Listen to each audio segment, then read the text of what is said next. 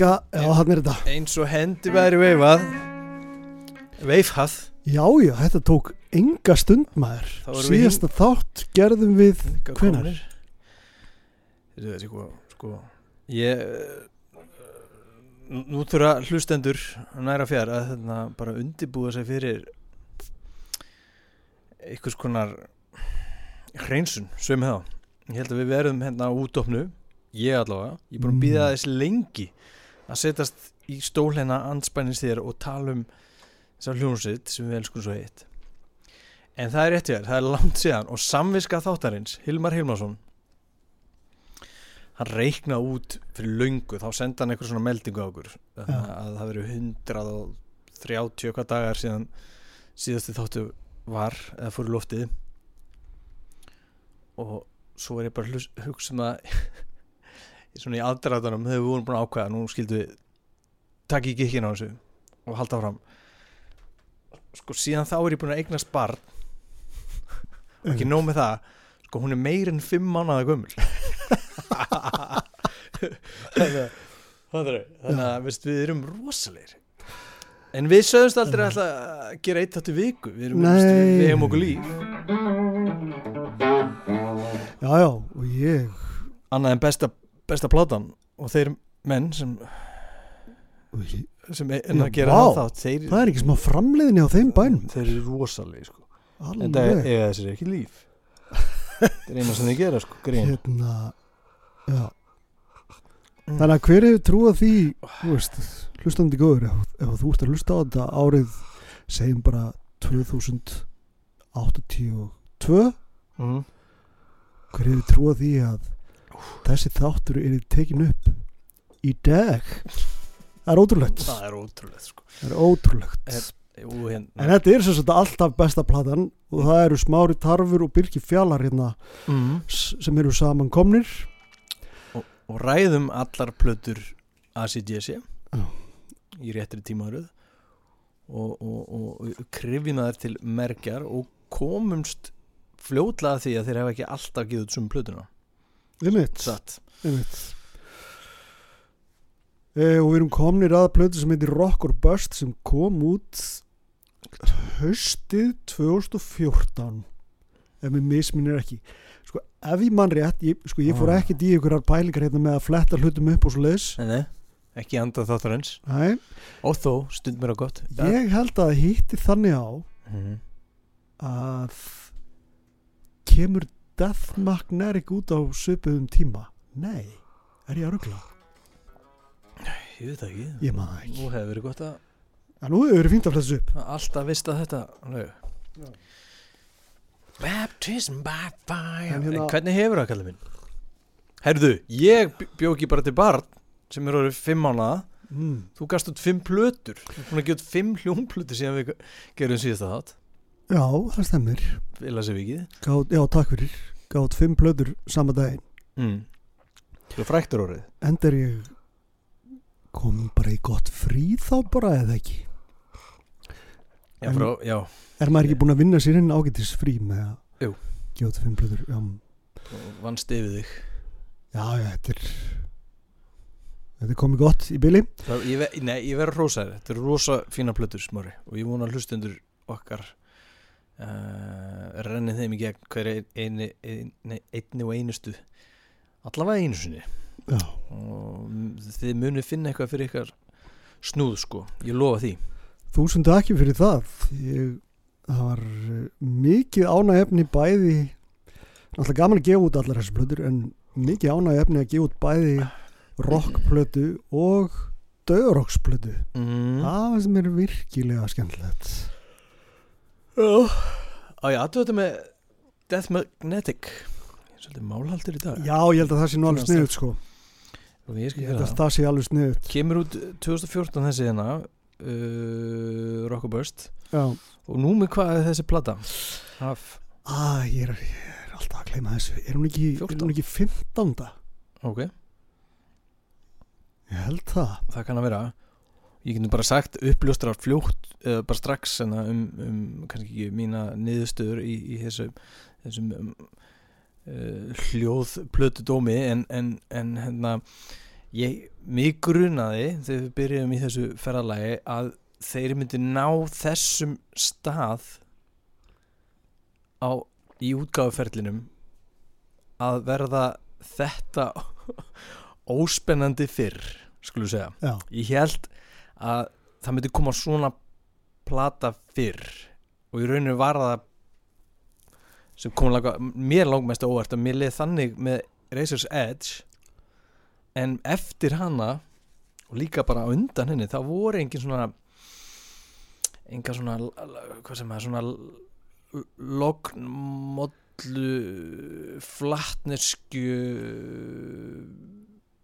drullu helvitis forar pitta skítaræsis Já. Einmitt.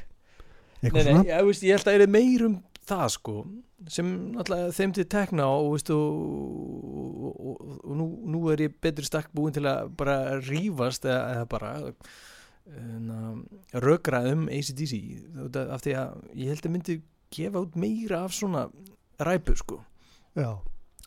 Herru, Da- Death Magnetic kom út 2008 sko Já, er, já, hún kemur út um leið og. Black Eyes Já. alveg rétt, þarna small þetta við vorum einmitt að bera það saman í Black Eyes þættinum að Chinese Democracy og Death Magnetic kom út á svipum tíma og Black Eyes Já, Já, hvað? þetta er gott tema Já, gaman að heyra gaman að heyra. En já, alltaf frá, hvað segir húnur?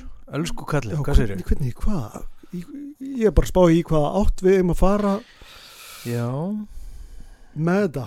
Sko, já eftir að Black Eyes eða þess að í millitíðinni nú, nú man ég ekki nákvæmlega hvenar það er kunngjört en þá er tilkynnt sem sagt um veikindi Malcolm Young. Mm. og ég man ekki hvað ár það er en fljótlega eftir á þá er talað um það að hann ætla að taka sér hlje frá ACDC og Stevie Young ætli að leysa hann af Var strax í fer, þannig í ferlinn sagt hvers konar veikindi hann var að glíma við? uh, ég Manstu man það það? ekki svo glatt það er, Já. það er einhver tíman gert ofnbert sko Já. að þetta sé heila bilun Ok.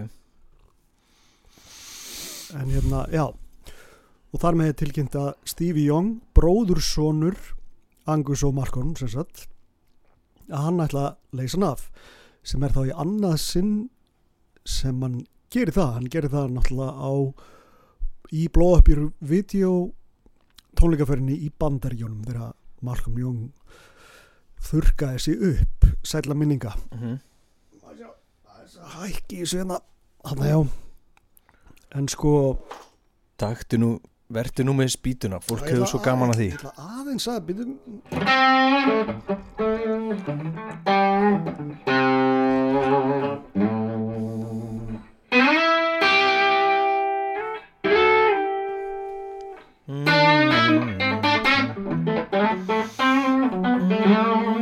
mm.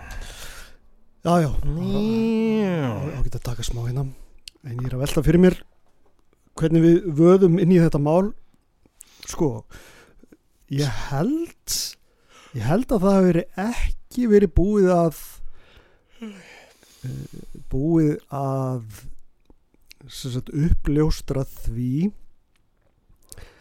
hvað væru margar plötur eftir nýja hver myndi upptöku stýra næstu og svo sagt, af þessum samningi sem þeir gera við Columbia fyrir útgáfu Black Eyes en ah, flög fugl framjá, Já. mjög skemmtilegt. Heyrist þetta að vera skóðaþurstur allavega þá sko, nú, nú var ég allir að muna það að sko í Black Eyes tónleikaferni þar fer töluvert mikið fyrir síni Malcolm Young sem heitir Ross Young. Hann er svolítið mikið svona hann leittist ekki sviðsljósið á þessum tíma Var hann að koma inn í ykkur stöku lægi eða var hann hluti af hljónstinni? nei hann er ekki hlutur hljónstinni hann var bara með ofta tónleikaferðum. Já, og þá er hann þá er hann ofta að segja aðdáðundum frá hvað er að gerast svona baku tjöldin og eitthvað slis já, og ratar ofta á okkur minnbönd og slis sem, að- já. sem að er dreift Gerði fó- svona gildandi út af við já, Já, það er nú verið gaman. Eitt að því sem hann segir hann segir þessi ein plata í uppbót og svo búið saðan, mm. sem er náttúrulega ekki rétt og þeir voru tvær plötur eftir á samlingnum Nei, hann segir sko, er Power að pluta því eða? nei, hann, hann segir þessi, þetta er eftir Black Eyes Mm. og hann segir, það er bara ein plata í uppbót Mhm. og svo er þetta búið saðan ok En hérna, já, býtum við Sko, það fyrsta sem heyrist af Rock og Bust plötunni það er þá heyrist Playball mm. það heyrist í bakgrunni í auðlsingu fyrir bandaríska bandarísku hafnabóltildina Mm. Major League Baseball Mm.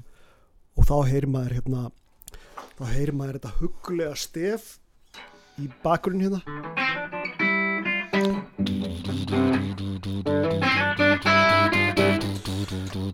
og það er eitthvað svona eitthvað, uh, smá grúfi í gangi mm -hmm. og fyrsta sem ég fæ á tilfinningu þegar ég heyrði það, ég bara heyrði þetta er nokkuð svona það er eitthvað glúrið þarna maður heyrir ekkit rosalega vel í þessu Mm. en nógu vel til þess að greina svona þetta er eitthvað skemmtilegt þarna og þetta Mhm. minnir að einhver leiti á Gone Shooting Mm. er, sem er tó, tóga svona strengja tóga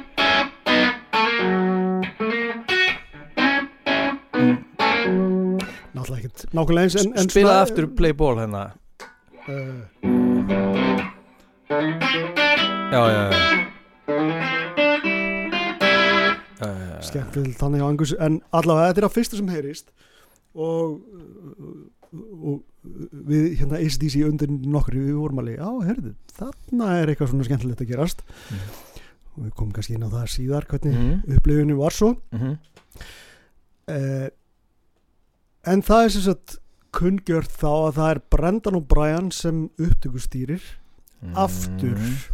sem var á Black Eyes tókst nú ágætlega Já, til já, já, þar að mörgu leiti virkilega góður hljómur á þeirri plötur náttúrulega. Mhm.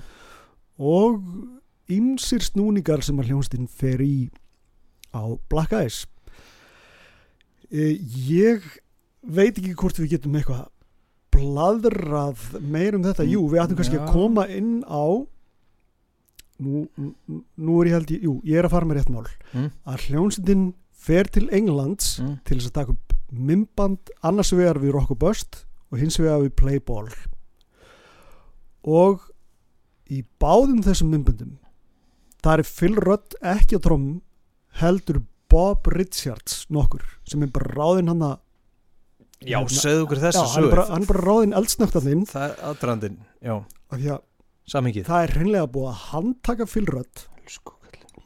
fyrir að hóta uh, já, hann, jú, hann hótar mannsku og hann ræður svo mann ræður sér sett leigum orði til þess að drepa viðkomandi eða, Mhm. mm. þú veist, þetta er, Mm. ég nú kannski að fara svolítið frjálslega með upplýsingarnar en þetta er eitthvað á þessa leið Mm. þetta er mjög alvarlegt, ekki, til, fyr- ekki til fyrirmyndar. Sannlega ekki. Og þannig líka sko að því að, að því að ég man, ég man svo vel þetta Rudd frá árunum 95 til svona 2003 að það er maðurinn bara það er mjög bjart yfir honum uh, í þeim, þeim fáum við, í þeim fáum uh, hvernig segir maður? Í þeim fáu viðtölum mm. sem eru til við hann á, á þessum árum og það er hann bara mjög skýr og maður heyri greinlega hvað hann segir og svoleiðis. Já. En sko hann að 2000 og uh, hvernig er þetta? 2013, 14 eða hvað er. Þar er maðurinn bara það er valla heil tönn upp í honum maður. Mm. og hann bara þvadrar eitthvað og muldrar maður skilur ekki neitt sko, Ef, eftir þetta aðtöku eða fyrir? Eftir. Já, uh, var hann hann er eitthvað bara, hann er bara orðin illa farin af eiturlega nýslu Já. Aftur eins og, eins og var hérna þegar hann var reikinu hljóðstunni 83 sko. já, og náttúrulega komin í svona pillu átt og svona lækna glundur, var það ekki eitthvað sem er ekki- sem er náttúrulega tíðarandinn hann sko, og, og enn þann dag í dag en 80 og eitthvað þá hafa menn vantilega verið meira bara í áfengi og, og, okkur nebbarnami sko Já. en þarna hefur hann verið að ímynda mér eh, en hérna er það, eða var hann ekki verið að kóka henni bara og Það, jú, jú, menn var alveg snarvillir því ég, maður, sko, ég, ég, því ég er bara ekki kláraði hvað hva hann var að nota mm. Mm. Englarik heyrði ég nefnt einhvern tíðan rosa gott að fá svo svoleiðis en kannski aðalega hann er hann rosa suppulegur á því bara og í, í þessum viðtölun sem maður sá við hann og, og þú veist hann kom í fréttum í Ástralíu og það náttúrulega Mm, byrtist, byrtist já, á. YouTube og, já, já. Og svo leiðis og þetta var bara er, hvað er að frétta af þessum gaur sko?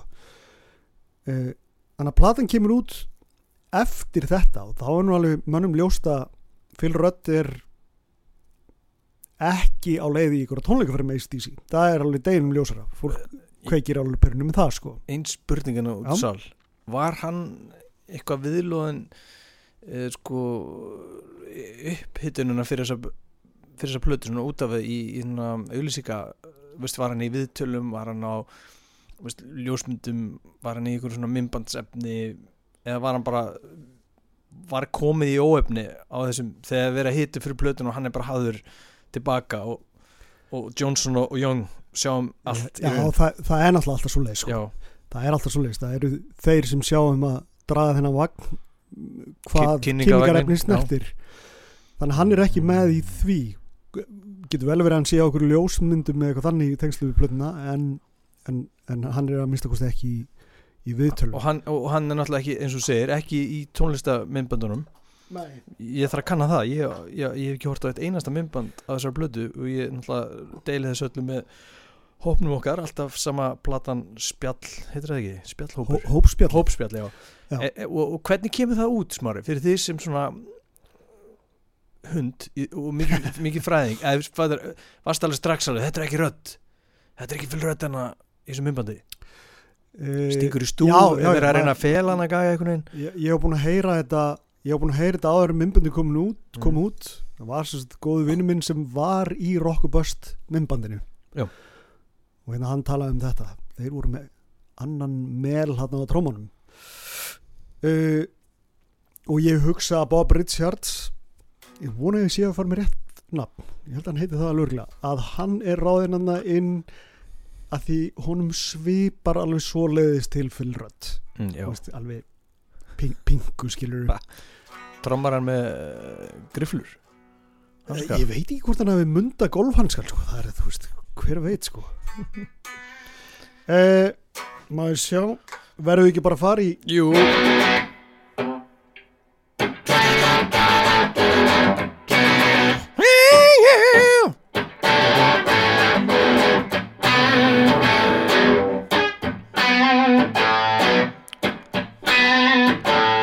Halda áfram.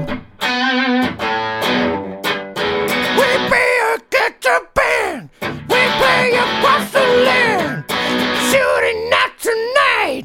Gonna keep you up alright You hear the guitar sound? Playing nice and loud. Rock you to your knees. Gonna make your destiny right. It's right. It's rock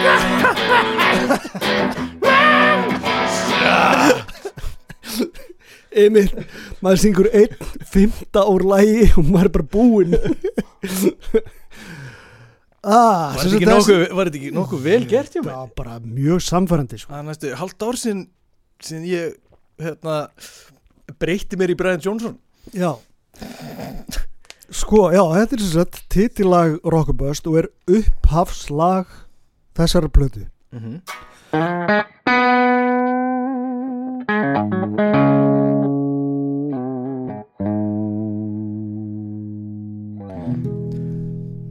Nándin mín og þín.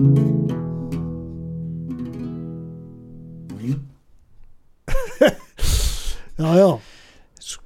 Eins og eh, landsmenn vita þá hérna, er þessi þáttur alltaf sama platan í bóði matarbúðarinnar nándin hvernig fallbeðum að það? Natar, matarbúðarinnar nándarinnar nándar. Herfi, við verum bara að kýla á íslenskunni hérna, hér er matabúðin nándin. Um? Um matarbú búðina? Nei, Vá. bú, búð. Jæja, það Já, við þetta náum við ekki náum ekki lengra. Tæknin er að stríða okkur hérna í Já, beinni útsendingum Við sildum henni í strand á met tíma uh, og engin björgunarsveit uh, til að draga okkur í land og... en hérna eins og hann smári sagði hann og hann ljúfu melodíu sína á hérna heitir búðin þetta sannlega og, uh, hérna, og alltaf saman platan við erum í búði búðarinnar, þessi búð er í Hafnafyrið og hún líka í Reykjanesbæ nánar tiltekki Keflavík. Og hérna uh, hunskist á Facebook síðu uh, búðarinnar eða Instagram eða matarbúðin.is og, og kynni ykkur málinn þetta er ljómandi ljómandi góð búð. Uh, hún er uh, þekkt fyrir sin þrjumskott og að uh, passa upp á alla svona, svona plast og eiturefna jökk, það kemur ekkert inn fyrir þeirra dyr og hérna hafði fengið alls konar vottanir og viðkynningar fyrir að vera meir og minna plastlausar veslanir og séð því í kjötmetinu og mjölkuvörum og fisk þá er þetta allt beint bara af bæ eða úr, af bíli eða hvað segir maður? Uh, egin volk undan esinu og okkur ljómandi hafmyggjur sem er hænu og hérna sennilega fiskmeti bara dorgað einhverjum sískinum hérna hvað? Sem lauma sér, sem lauma sér niður, niður á kólabryggjuna á Patrísfjörði þegar hún kemur upp í fjöru. Já, og fyrir, fyrir grænkerana er alveg hellingur í bóði og uh, við hefum uh, skoðað það úrval vel uh, alltaf sem er blötu félaganir og svo er uh, hrein, hreingerningar nei, hvað kallum við, hreinlætisvörur á öllu tægi fyrir heimilið og skrokk. Líka og það er sama þar. Allt uh, er þetta uh, þannig hnútabúið að það er engin sóun og engin viðbjöður og svo getið þið færið með brúsa á flöskur og, og kassa á drasl sjálf uh, á staðin til að fylla á og mælu við að sjálfsögðu með öllu sem kemur frá og er hægt að finna í þessum meira áttar verslunum. Mm. þökkum þeim sjálfsögðu fyrir stuðningin sem fyrir. Matabúðin nándin fyrir þig og um hver við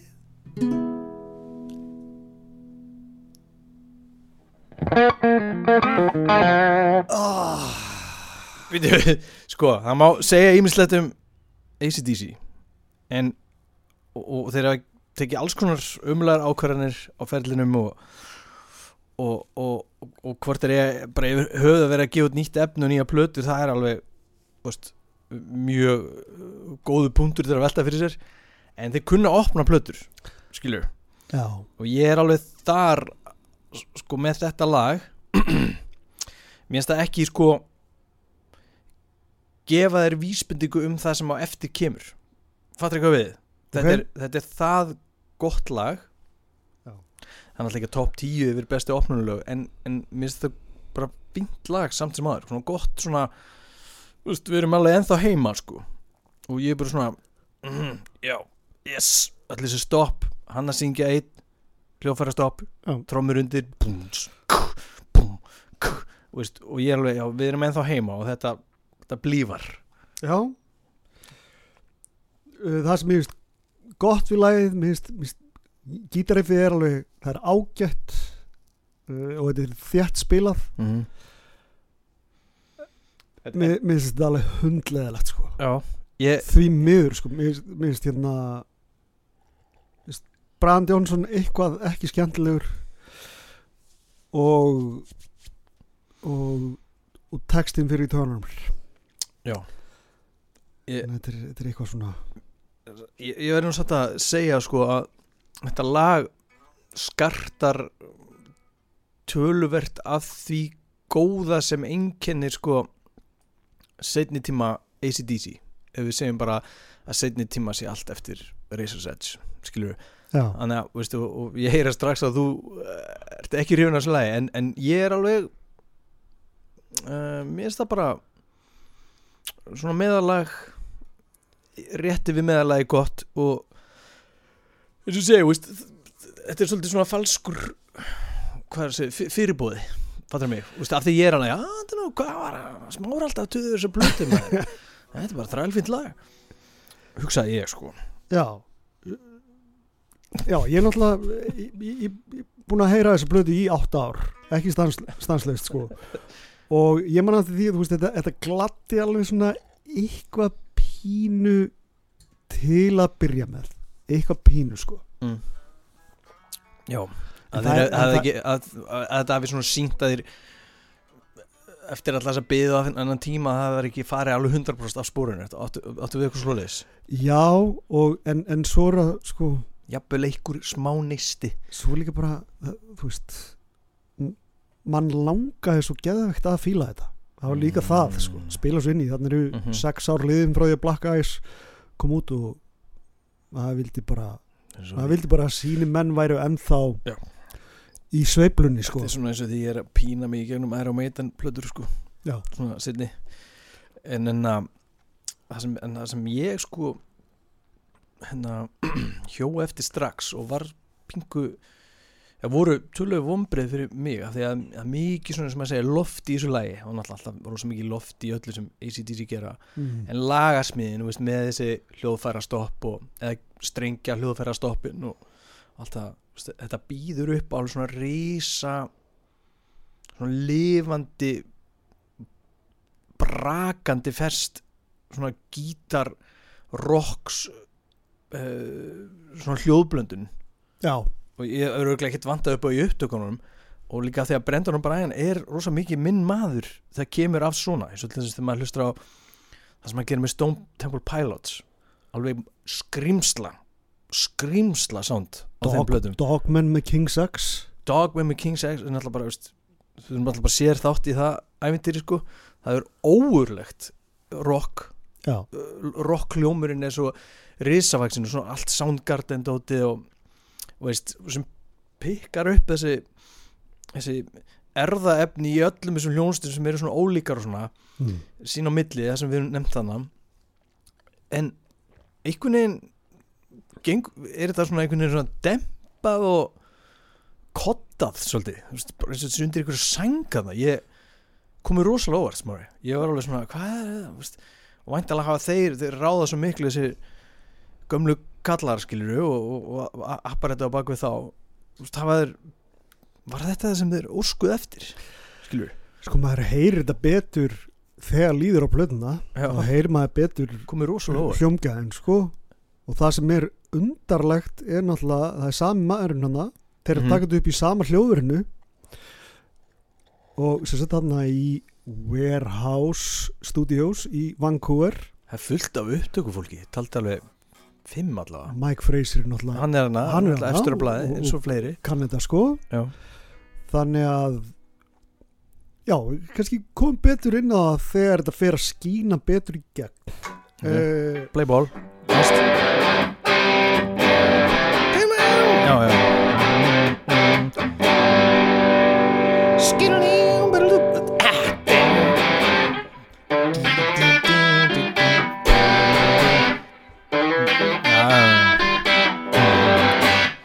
Þarna hefur þú verið glæður. Já, þetta er rosa flott riff. Manið þegar ég heyrði þetta fyrst af því að þetta er náttúrulega fyrsta lagi sem kemur í spilun sko.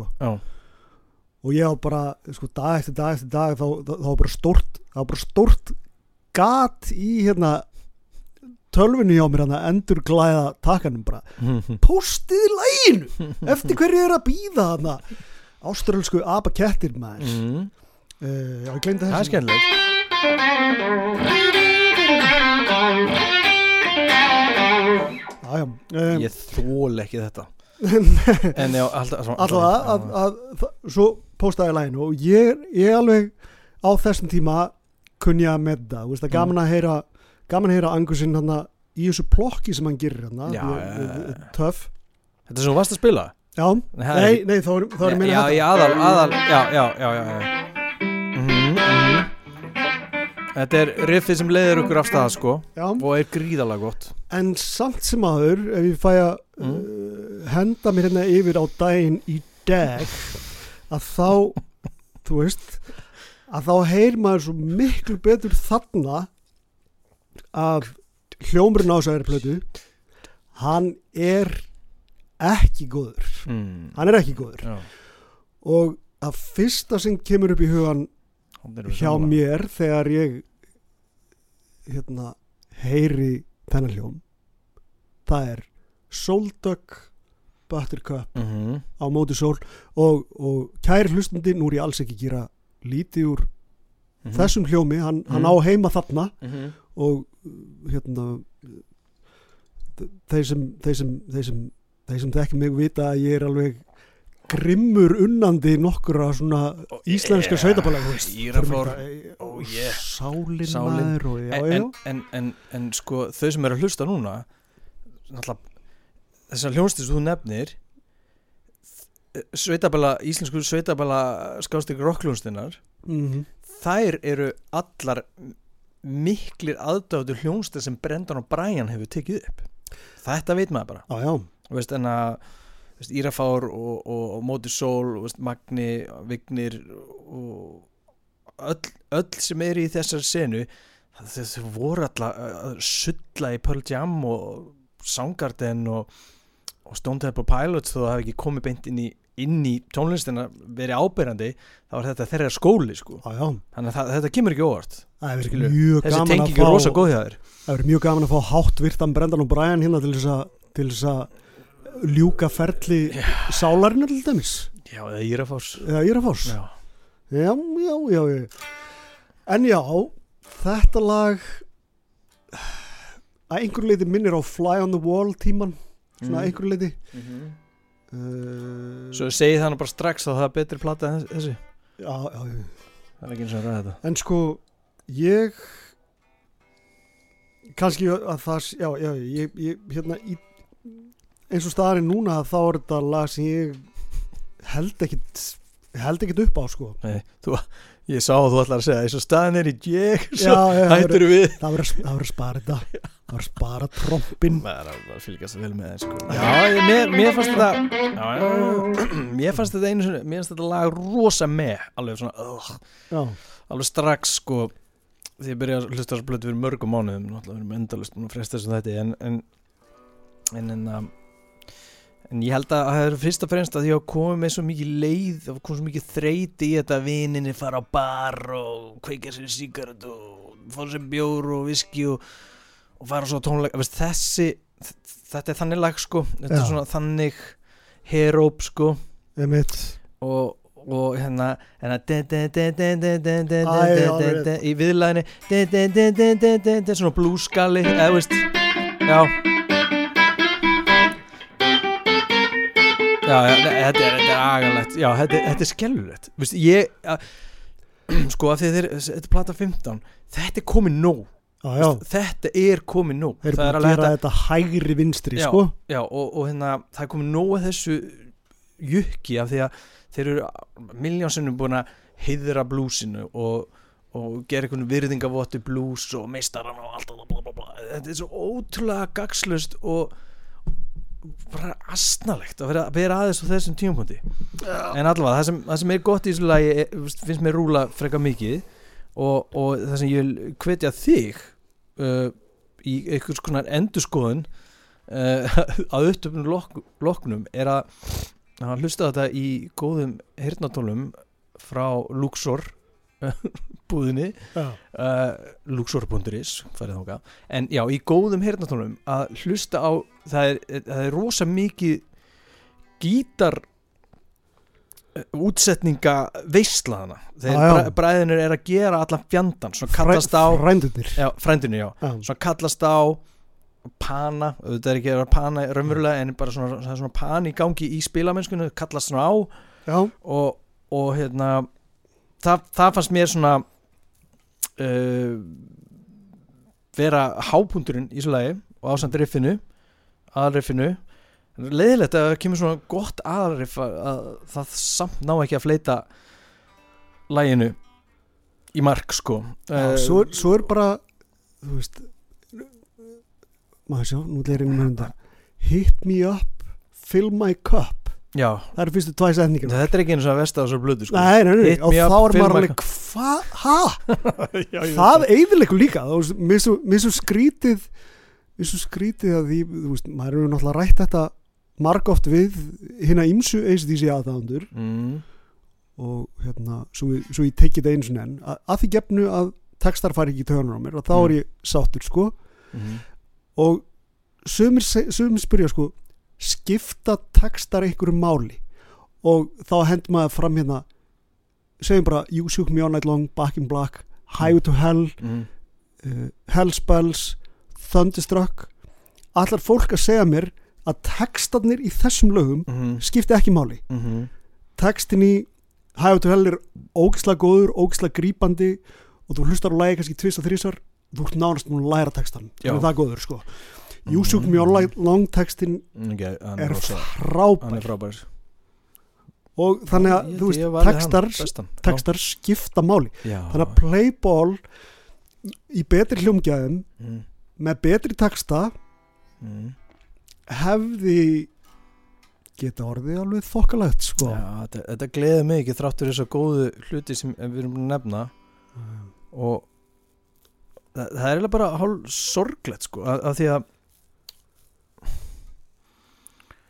veist, eins og ég segi, riffið aðalriffið er gott. Já, það er það er gaman að hlusta þessu útsetningu á gítarnum og þeir eru rosa frjóir hérna að gera þetta en samt virkar þetta ekki og eins og, eins og, eins og svo ég færi nú að hengi vagn minn við hérna textapælinguna þína þá er sko, það er verið að spila svona bluesrock sem er svona berskjöldu tónlist að, að sögum einfald leika hennar og sem er bara eins og með rappara í svona rapp slag, slag eitthvað, skonar, eitthvað svona rimnaflæði mm. að af því að tónlistin er svo einföld og berskjöldu og oft bara rosalega ófrumlega þá skiptir textin svo fáralega miklu máli veist, ef þú hefur ekkert að segja og ert ekki snjall þegar þú ert að segja eitthvað sem hefur kannski verið sagt áður þá fellur þetta um sjálft sig og Já. eina sem getur bjargað ykkur slíku er flutningurinn Mm. Þú veist, að ef söngarinn bara sýnir einhver nýja hliðar er bara alveg að bara sínum besta framistæða lengi. Eða einhver rappar er að sína einhver svona blæbriði og einhver svona tæ- tækni og takta sem maður er bara wow. Skilur það er eina sem getur bjargað þessu en það er ekkert þannig í, í þessu sko sem við erum að tala um. Þannig já þetta er svona að það eru margir að það er svona þættir í læginu sem eru góðir en þeir eru engið þeir eru svona samverkandi skilur mig, þannig að Mm. þetta fellur þetta er svona, veit Já. það ekki. Já, Já En, en mér, var, mér var alveg nöp við þetta lag fyrst. Aðeins hafa hækkað í áleti á mér en allt þetta sem þú hefur nefnt og það sem ég, mér finnst það bara mjög góð röksemda röksemda fæslur í okkur ef ég segi alveg svo er sko. Það verið gaman alltaf að heyra í fólki sem er algjörlega ósamla okkur. Ég, ég er að horfa hérna Mm. í gegnum holta hæðir og horfa á elvar í rúan já, hans já.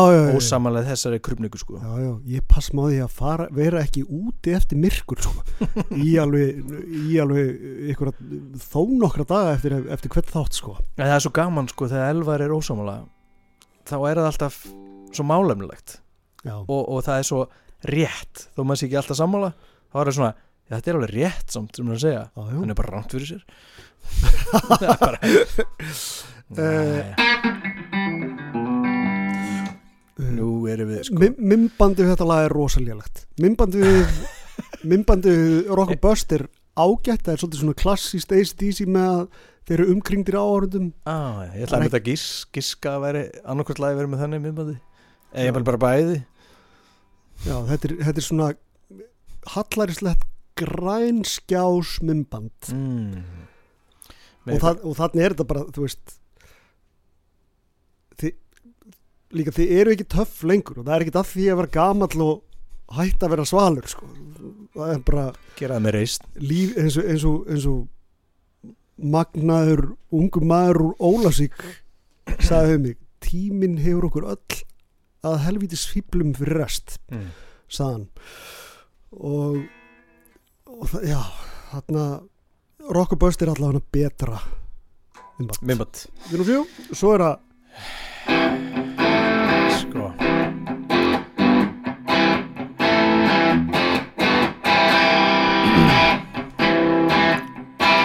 Já, já en að, já. Rock the Blues ah, Away. ég hefði getað sungið þetta með ég, já, Sing a rag a digger wow kveiki í síkarettu og fer svo beint á barinn það er svo beint að sig oh. sko oh.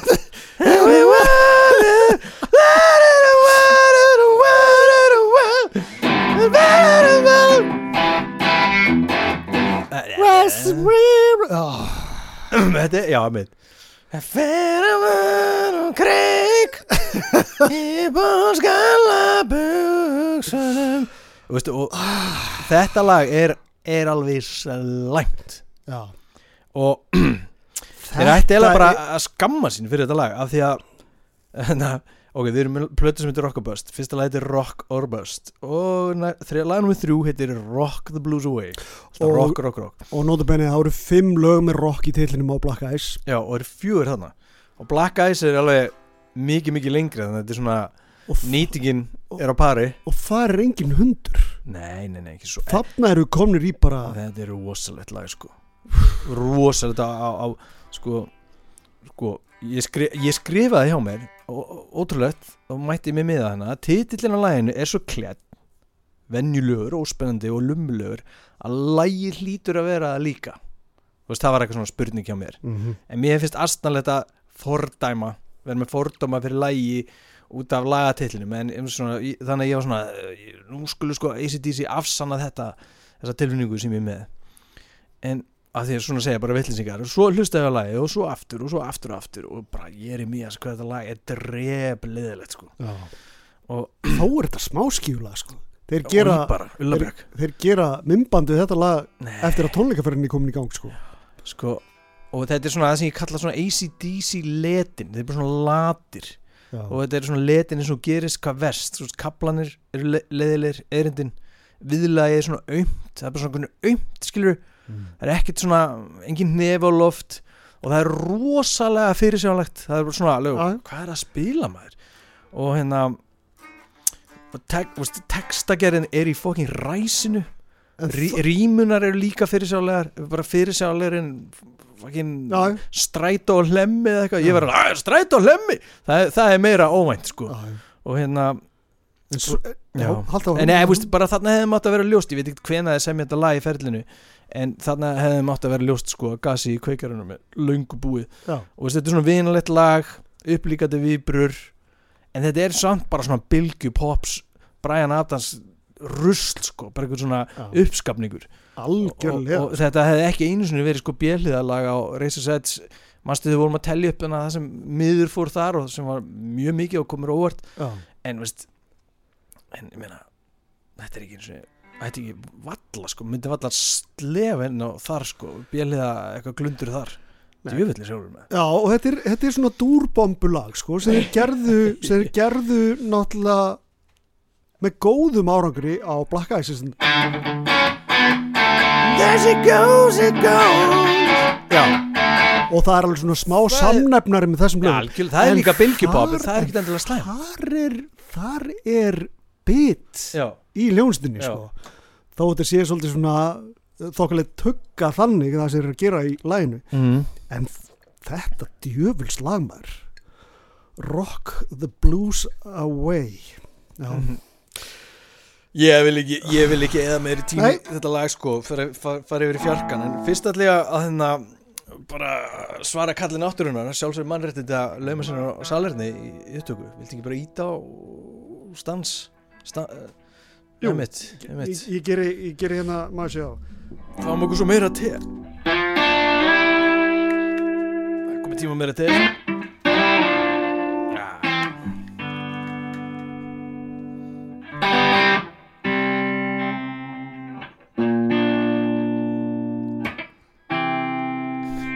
Hvert fer hann? Ég vil hvernig allar hann að enda þetta Þetta var gott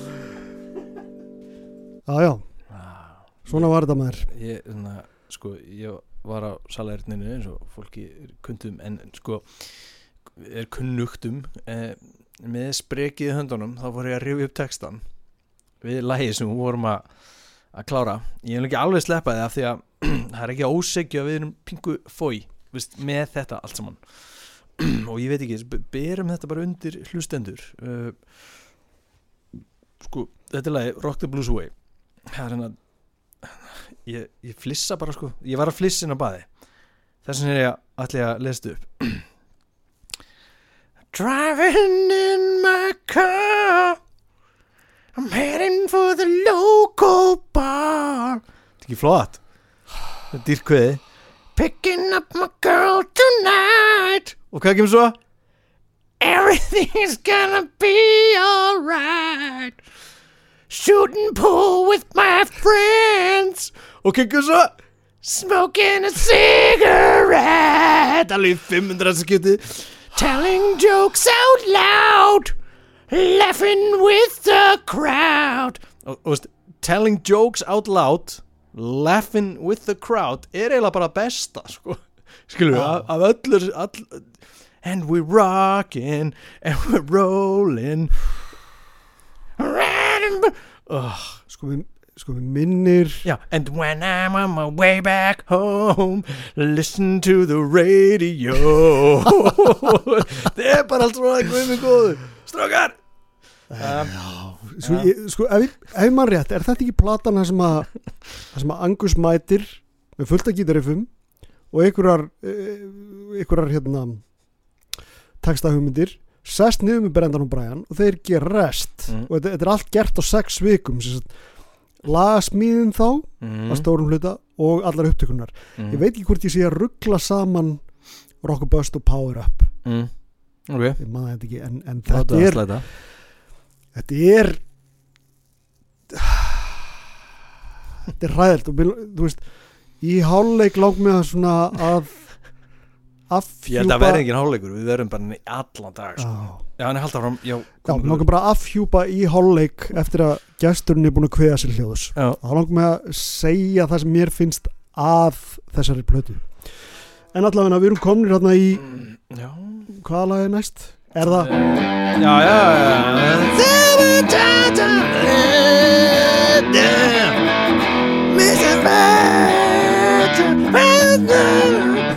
Þarna sko. Þarna. Þarna er eitthvað. Já, Djúvill þetta gott þið. Já, ég er ennþá Ég kom inn í seiðin hérna frá Jurta Íslandika Já, Gá okkur þetta te Þetta heitir Boðflenna. Með eitthvað svona Háfjalla beisku Svona sem ég fíla sko. Man finnst eins og maður sé að drekka einhverja jurt Bóstalega sko. Mm, Fíla Takk fyrir það Jurta Íslandika Ógæslega gott. Ég ætla að fá með eitt Já Sko se, Sko Ef fólk hefur ekki heyrt plötuna Og heyrði þið spila þetta Þá er alveg Hvað er þessi gaurar hraunir þessar plötum Þetta er algjör tutti. Að því að riffið náttúrulega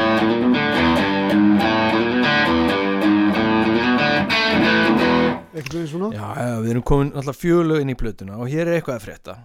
Þú veist, í öllum skilning þess orða tiltækis eða má eða mætti kalla það sem svo. Og hérna, mér finnst þetta svona áberandi besta lagið til þessa á veist, uh, loksins komin í brottur í gítalegin og, og, og Brian hljóðvinslana skila sér svona einhverju marki hérna í gegnum gítaran aðalega sko, finnst mér. Mm -hmm. uh, er það þvælega hjá mér? Og það ri- riffið er tuttalegt og nýtur sín skilum og, og það er eitthvað svona fram eh, til eh, svona, fattur er svona svona keira niður brekku á mm. miklu hraða tilfinning Já, sem hérna mér finnst sárlega vanta ansi oft á þessu sinni tíma blödu þessi, þessi drífandi svona, svona mm takturinn er komið þarna sko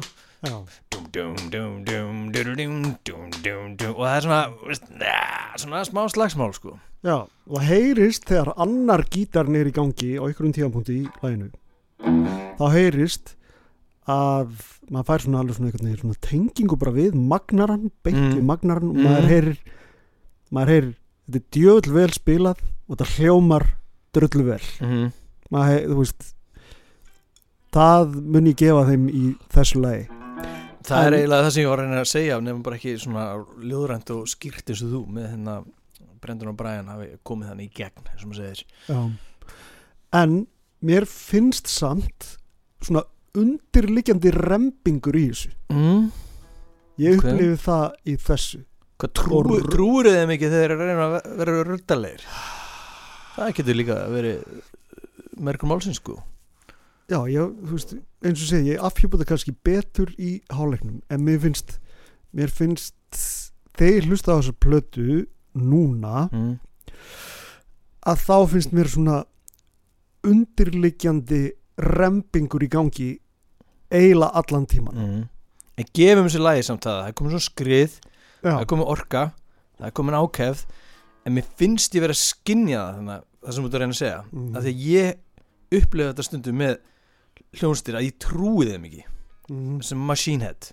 Ég var alveg hlustað á Machine Head lög og plötur þannig að ég trúi þeim ekki. Þú veist, ég, bara svona, ég, ég trú ekki ekki, ég trú ekki hvað þetta er lélegt ég trú ekki læginu þinu skilur, ég trú Ha- ekki þessum, ég þessum flutning. Já. en já, já, farið bara og heipið það en, en, en hérna en ég veit ekki hvort að þú ætlir að koma inn á þetta ég kannski verið bara undan og, og, og, og fer fram í röðina en fram fyrir röðina, mér finnst Brian Johnson þannig að fara algjörum kostum. Hann leikur sér að blæbriðum rattar sinnar og mér finnst það bara að negla þetta þannig. Veist, og hann er að, ef þú hlustar vel með einmitt uh, hernatónum frá, frá Luxor uh, þá hérna er hann að ratta sjálfan sig skilur og hækkar og lækkar tónin í viðlæðinu veist, í röddinni, fyr, syngur hátt uppi fyrir svo niður og, veist, og þannig að það er nóg að gera á kallinum í þessu lagi svo, og, og loksins, fattur mig. Já, ég var bara, já, hann er sko, hann er komin í gang og fær svona leika lausum hala. Og ég mynda mér að hann er að náttúrulega semur þessar söngmelodýr ef svo má kalla það sjálfur. Og hann er þetta er vannýtt uppspretta, þetta er vannýtt auðlind já, á þessar blötu að hann, að hann fái að leika lausum hala og, og setja sitt svona sín fingra fyrir á þetta allt saman. Mhm. já.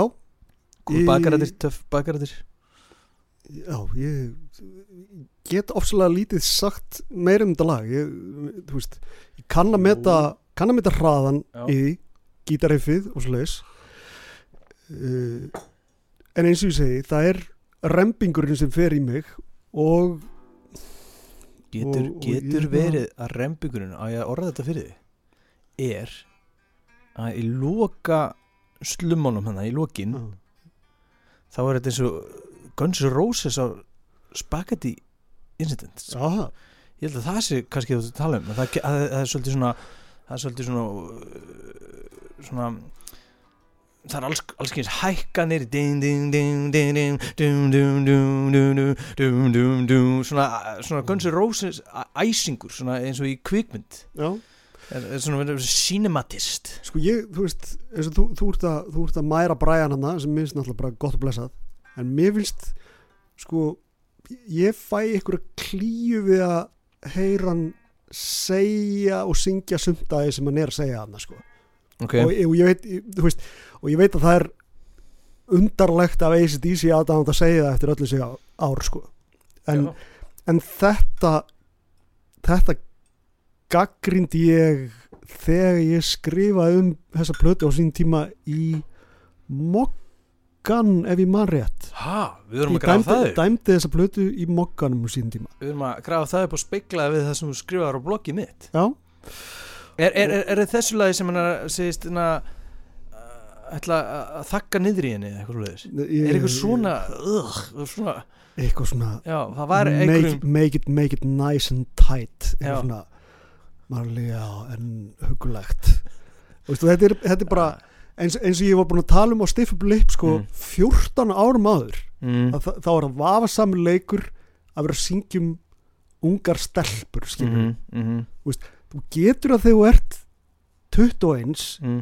en ekki þú ert 61 eða Já. hvað er skilur uh, og, og, og hérna já þannig að það, það er ég, ég fæ eitthvað svona oh, Það var, var á okkur öðru stað, ég veit ekki hvort það var þarna það var eitthvað svona óviðandi um að uh, þakka niður í einhverju dömu eða haldinni þögulli af því að eitthvað bla og veist, skilur, veist, og sem er alveg náttúrulega bara 2022 bara já, og, og allt það veist, og, og hérna, ég veit ekki hvert þeir eru að fara með því í þessum lögum og sem, sem einkenni slatta af textum á þessu plötu að ég veit ekki um hvað þeir eru eins og Vist, þeir eru ekki bara lélir heldur líka eru svona óræðir að ég er svona ha, hvað, um hvað snýst þetta? Þeir eru ógeðslega lélegir. Já, ég- bara svo við segjum það alveg strax sko. þeir eru ógeðslega lélegir á þessari blödu það er eins og það hafði ég bara eitthvað svona ég veit ekki hvað kom fyrir svo þegar þetta er bara búið. Ég, ég, ég og þú getum samið þetta lélega texta mm, við getum samið á fyrir hva- hvað er það, 10-12 lög eitthvað? Mm, við getum samið þetta veist, er, góð, það er góðu bolli hérna bara. Það eru, er, er eitthvað, er eitthvað, eitthvað kræsingar til þess að Já. grípa í svona þess þarf við getum gert þetta svona rétt fram yfir hádegi bara. Já. bara mættir inn að klukkan nýju og svona klukkan tvö. Að það er þetta komið. Þetta mögulega er bara rusl, já, bara algjört rusl. Já, það er mögulega bara það sem aðtugast, já, veist, kannski var bara Brian Johnson og, og hérna, þeir frændur og bræðir allir hérna bara í golfi, eða veist, á bátunum sínum sofandi, skilur í einhverju svona öndunar lung spítala fyrir eitthvað lungna skilur við, ég veit það ekki en Eh. eitthvað ekki, þú veist að Já, mér, mér, ég held að við höfum nefnt talað um þetta það væri líka, líka svona Aerosmith.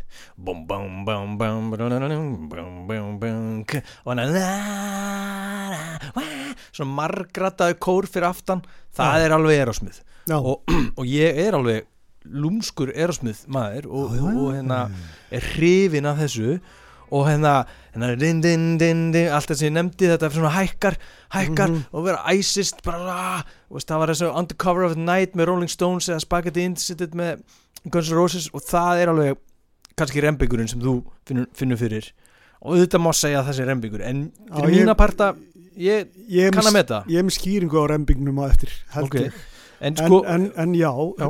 þú veist mér langar kannski að því að við, við erum náttúrulega við erum að taka alveg hressilega á okkar mönnum hana sem er alltaf lægi mér langar kannski að leggja það á borðið líka. Ég hef sjálfur sami rosa lélega texta. Mm bara svo það sé á borðinu. Svo ég líka Við erum ekki- við erum ekki á okkur rísa fjalli hérna að horfa niður sko.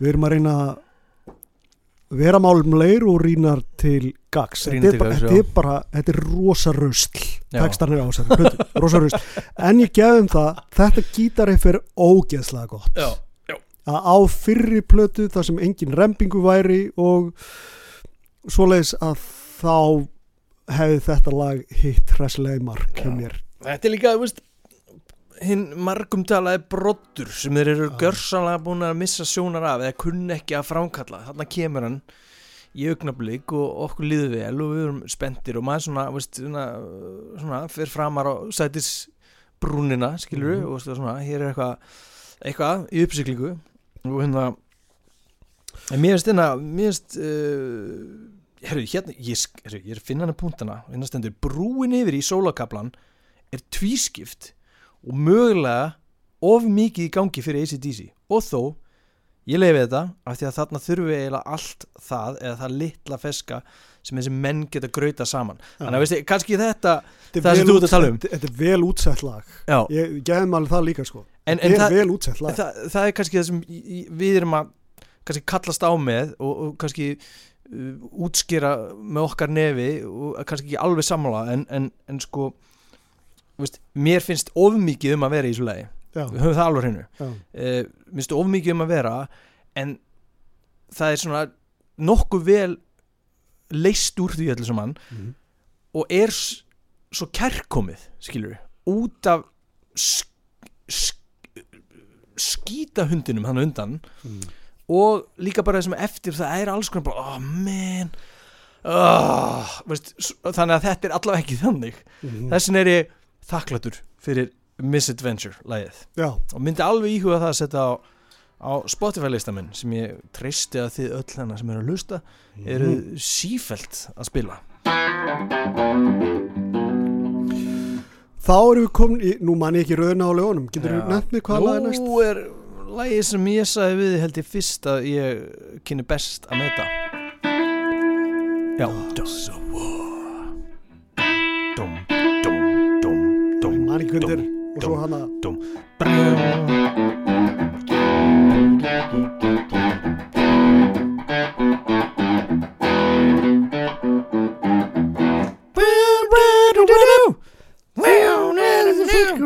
Soldier Vajun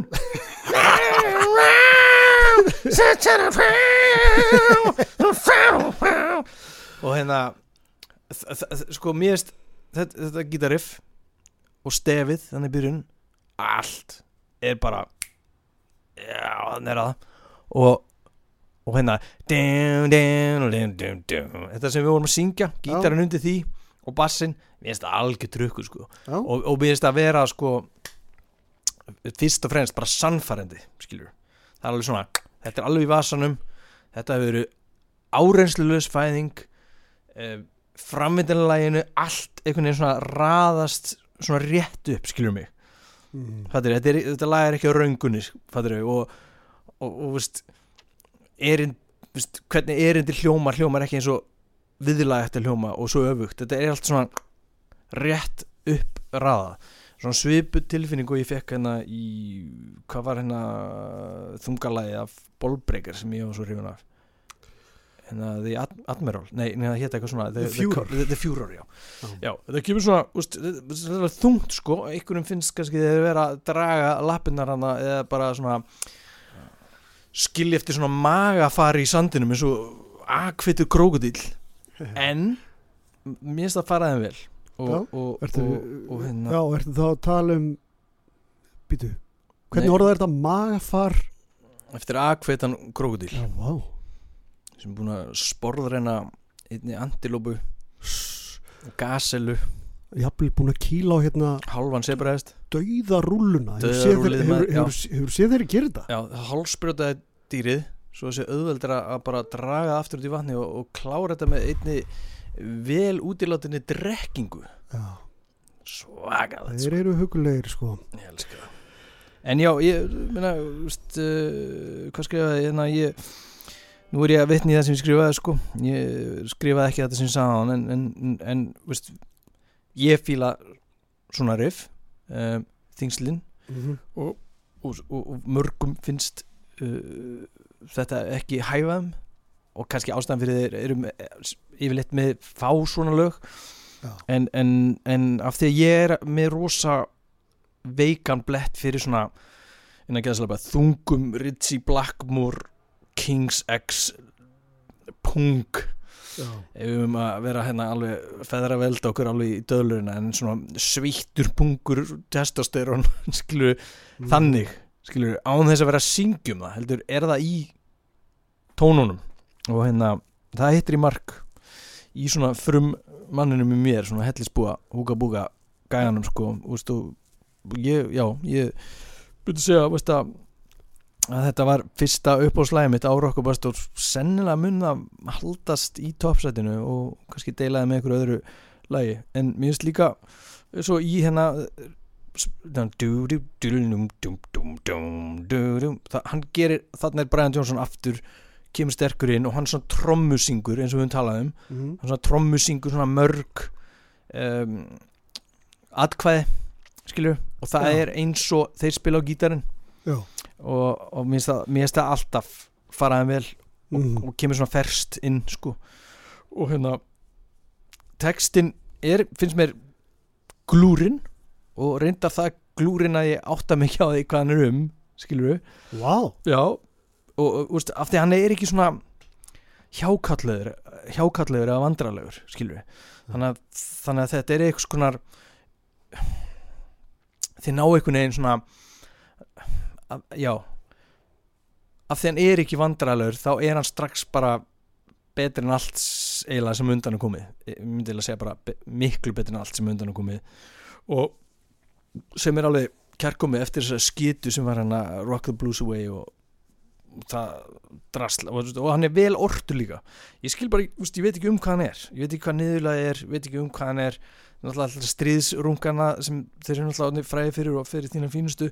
En það er samt ekki það augljóst stríðsbrölds klám skilur eða einhver upp, upphafning en það er eitthvað svona ekki, kannski einhver snjallari mér snjallari hlustandi hérna komi sterk eða sterkur inn á Facebook og hérna segja mér alltaf létta um þennan texta og ég svona, svona uh, snögg googlaði bara þegar ég er komin inn á hann Já. og ég fann ekki neitt ég, og kannski eru bara komin að þann stað að engin nennir að velta fyrir þessum textum og engin spyr þá í viðtölum um texta og þetta ekki, og það ég alveg, er alveg það er þetta góð, það er góði punktur já, veistu, mér, veistu, na, ég er alveg forvitin sko og væri til að vita um hvað fjallar en, ég, ég, ég, ég bara, ég, man ekki til þess að þeir hafi nokkuð tíma verið spurður að því.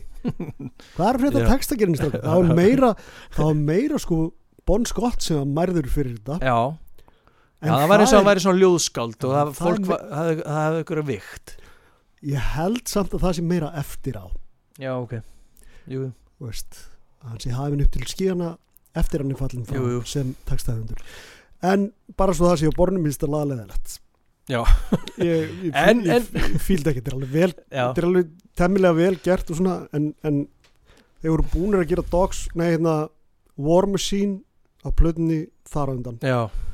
Einmitt og þessi nefnd Space, minnst eitthvað svona dogs of war minnst, Já, já, já. minnst bara þunnur þrettandi. En uh, ruddarinn fer mikinn á bassatrúminan í lokin. Já. hann, hann fær óvinni mörg slög hjá honum. Gott og minnst það, það er slæm klipping hérna í byrjun af hálfu brendur hann bara eðin já, hálfu þess sem að sem að sér um uh, Já! já, þegar Þið vorum að keira um daginn og vorum að hlusta á þetta í bílnum. þegar sagt, detta endalegin Já, þá á að flamm já, sem er já. svona. Og þe- þetta er eins og tvær tökur hafi verið skildar eftir. Já, og skeitt saman og það heyrist greinilega Til- þetta er, þetta er ekki Nei, þetta er ekki lifandi taka sko. Nei, Þú be bendi mér á þetta veginn, þú vorum að aka hérna um, um borg og þú, ég heyrði það bara strax bara, Já. bara wow bara trómutakturinn dettur inn Mm. og Brian fyrir strax að syngja þetta er sem sagt fyrsta snerilst læð mm. það heyrist Mm. greinilega Mm -hmm. uh, hvað er næsta lag? Næsti Erum við, hérna, við erum komin í Get, get some rock and roll thunder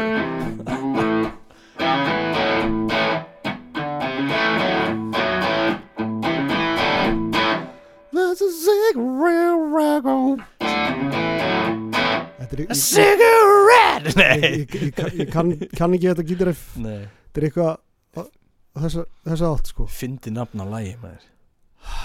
Og, og það lokar aðliðinni Þetta er algjört lull sko. Já, algjört djöfusis lull mæ, mæ, mæ, þetta er mikið lull. Ég með þér hana og menn er ekki að lulla svona hressilega þegar er klára hlið. En hann er, erum náttúrulega komin í veraldi geisladisk sinns þannig að voru, voru kannski ekki mikið að spá í uppröðun og svoleiðis.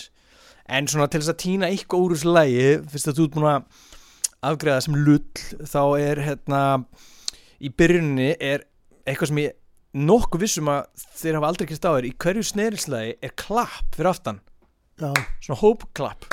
Þeir, þeir gerðu þetta síðast ef ég maður rétt í Rock'n'Roll Damnation mm. á Powerade en, en var það í hverju höggi líka? það er í hverju einstak ok.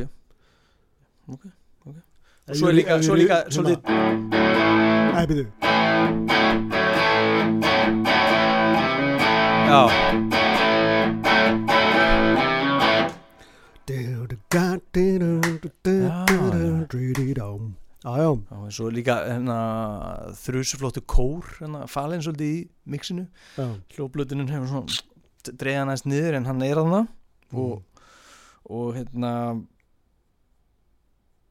gítarinn í skrifana gítarinn í viðlæðinu grallara, grallaralegur og sem sl- slíkur alveg ágætur en það er eitthvað við þetta lag sem gengur ekki upp. Eitthvað vandræðilegt við það og það er svona of Thunder. Það er líka, þetta er svona o- ofhlaðið lag það er svona er þetta lagið sem hennar Hey, hey, hey! Er þetta? Já, já, Já, þetta er það. Já, þetta er svona svo fyrir að, já, úr því glá, glá, glá, glá, glá glá, glá, glá, já, þetta er alveg nei, nei, nei, nei. Þetta er ekki, þetta er ekki þetta er ekki, þetta er ekki niðurgangur sko, og engin uppskapningur þannig en, en, en, en þetta er mjög svona gleymalegt Sko nú er ég bara erfitt með að rifja upp. Það er eitthvað svona sambarilegt lag á Black Eyes mitt sem er líka svona lull hundur Já. sem er eitthvað svona uh, Hey, hey, hey, what do you know? hvað heitir það? Rockin, ekki She Likes Rock'n'Roll heldur, heldur Heitir eitthvað rock líka? Já, ég held að Til- bíddu, þú verður að kanna þess, ég verð að kíkja á þetta sko. Ok, kýta á þetta. Ég ætla að lauma mér hérna frá Í cigarette! Nei, ég reyki ekki maður það? Býtu Ég reyki Ég reyki. Ekki Hef aldrei reykt Og minn aldrei gera mm, Aldrei nokkuð tíma. Sko. Já, ég er bara skilin hér eftir bara, ég þarf að ganga hér inn í opin döðan sjálfur en Birkir, lagið sem ég var að tala um Já það heitir svo, er þetta Míga? Ég er að míga.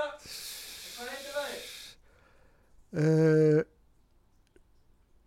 Rocking All The Way. Rocking all the way. Held ég að heiti, já. Og ég er búinn að steingleima hvernig það er sko. En mér minnir endilega að sé í þessu sama lulli og þetta lag sko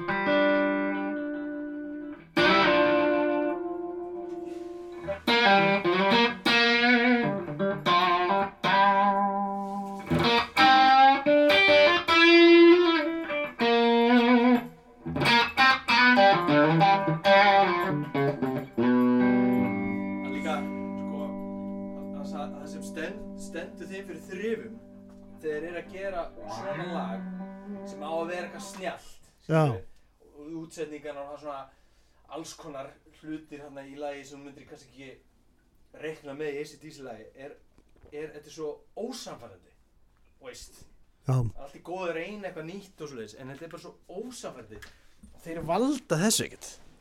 Það er, það er bara staðurind og, og Þessin er þetta bara, "Ugh, hvað er, að, hvað er að lulla í þessu einhverjum hugmyndagraut sem gengur ekki upp. Og það sem verra er þeir eru takit í tónleikaferðinni er bara, hvað er að frétta á lagavalinu?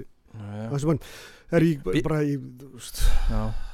Ég sé að þú, þú, það það er komað hálfleikur þú, hérna sko. þú, þú ert alveg þungt haldinn sko. það er komað hálfleikur. Já, og ég ætla bara að kynna gestinn sem kemur hérna. Og ég ætla, ég ætla að segja frá því að ég ætla ég ætla afhjúpa það sem að já, ég spendur já, þetta er í samtíð við rempingin, ég ætla að gera Mm. það þegar gesturinn er búin að kveða sér hljóðs hann heitir Ólafur Torfi Áskísson uh, við þekkjum hann best sem mann svona þetta er svona maðurinn á baku tjöldin gerðan, hann hefur mm -hmm. aðstóðað hér og þar í hljóðverum þegar menn hafa verið að taka upp eða fólk hefur verið að taka upp plötur Mm.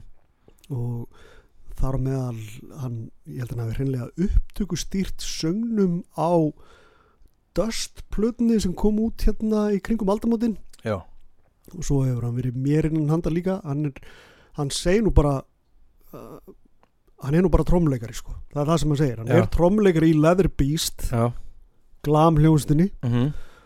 og mikill músikant sem hefur sér þó lítið í frammiðin hver veit nema hann muni ykkur tíðan afhjúpa hæfileika sína að fullu fyrir Mhm. fólki.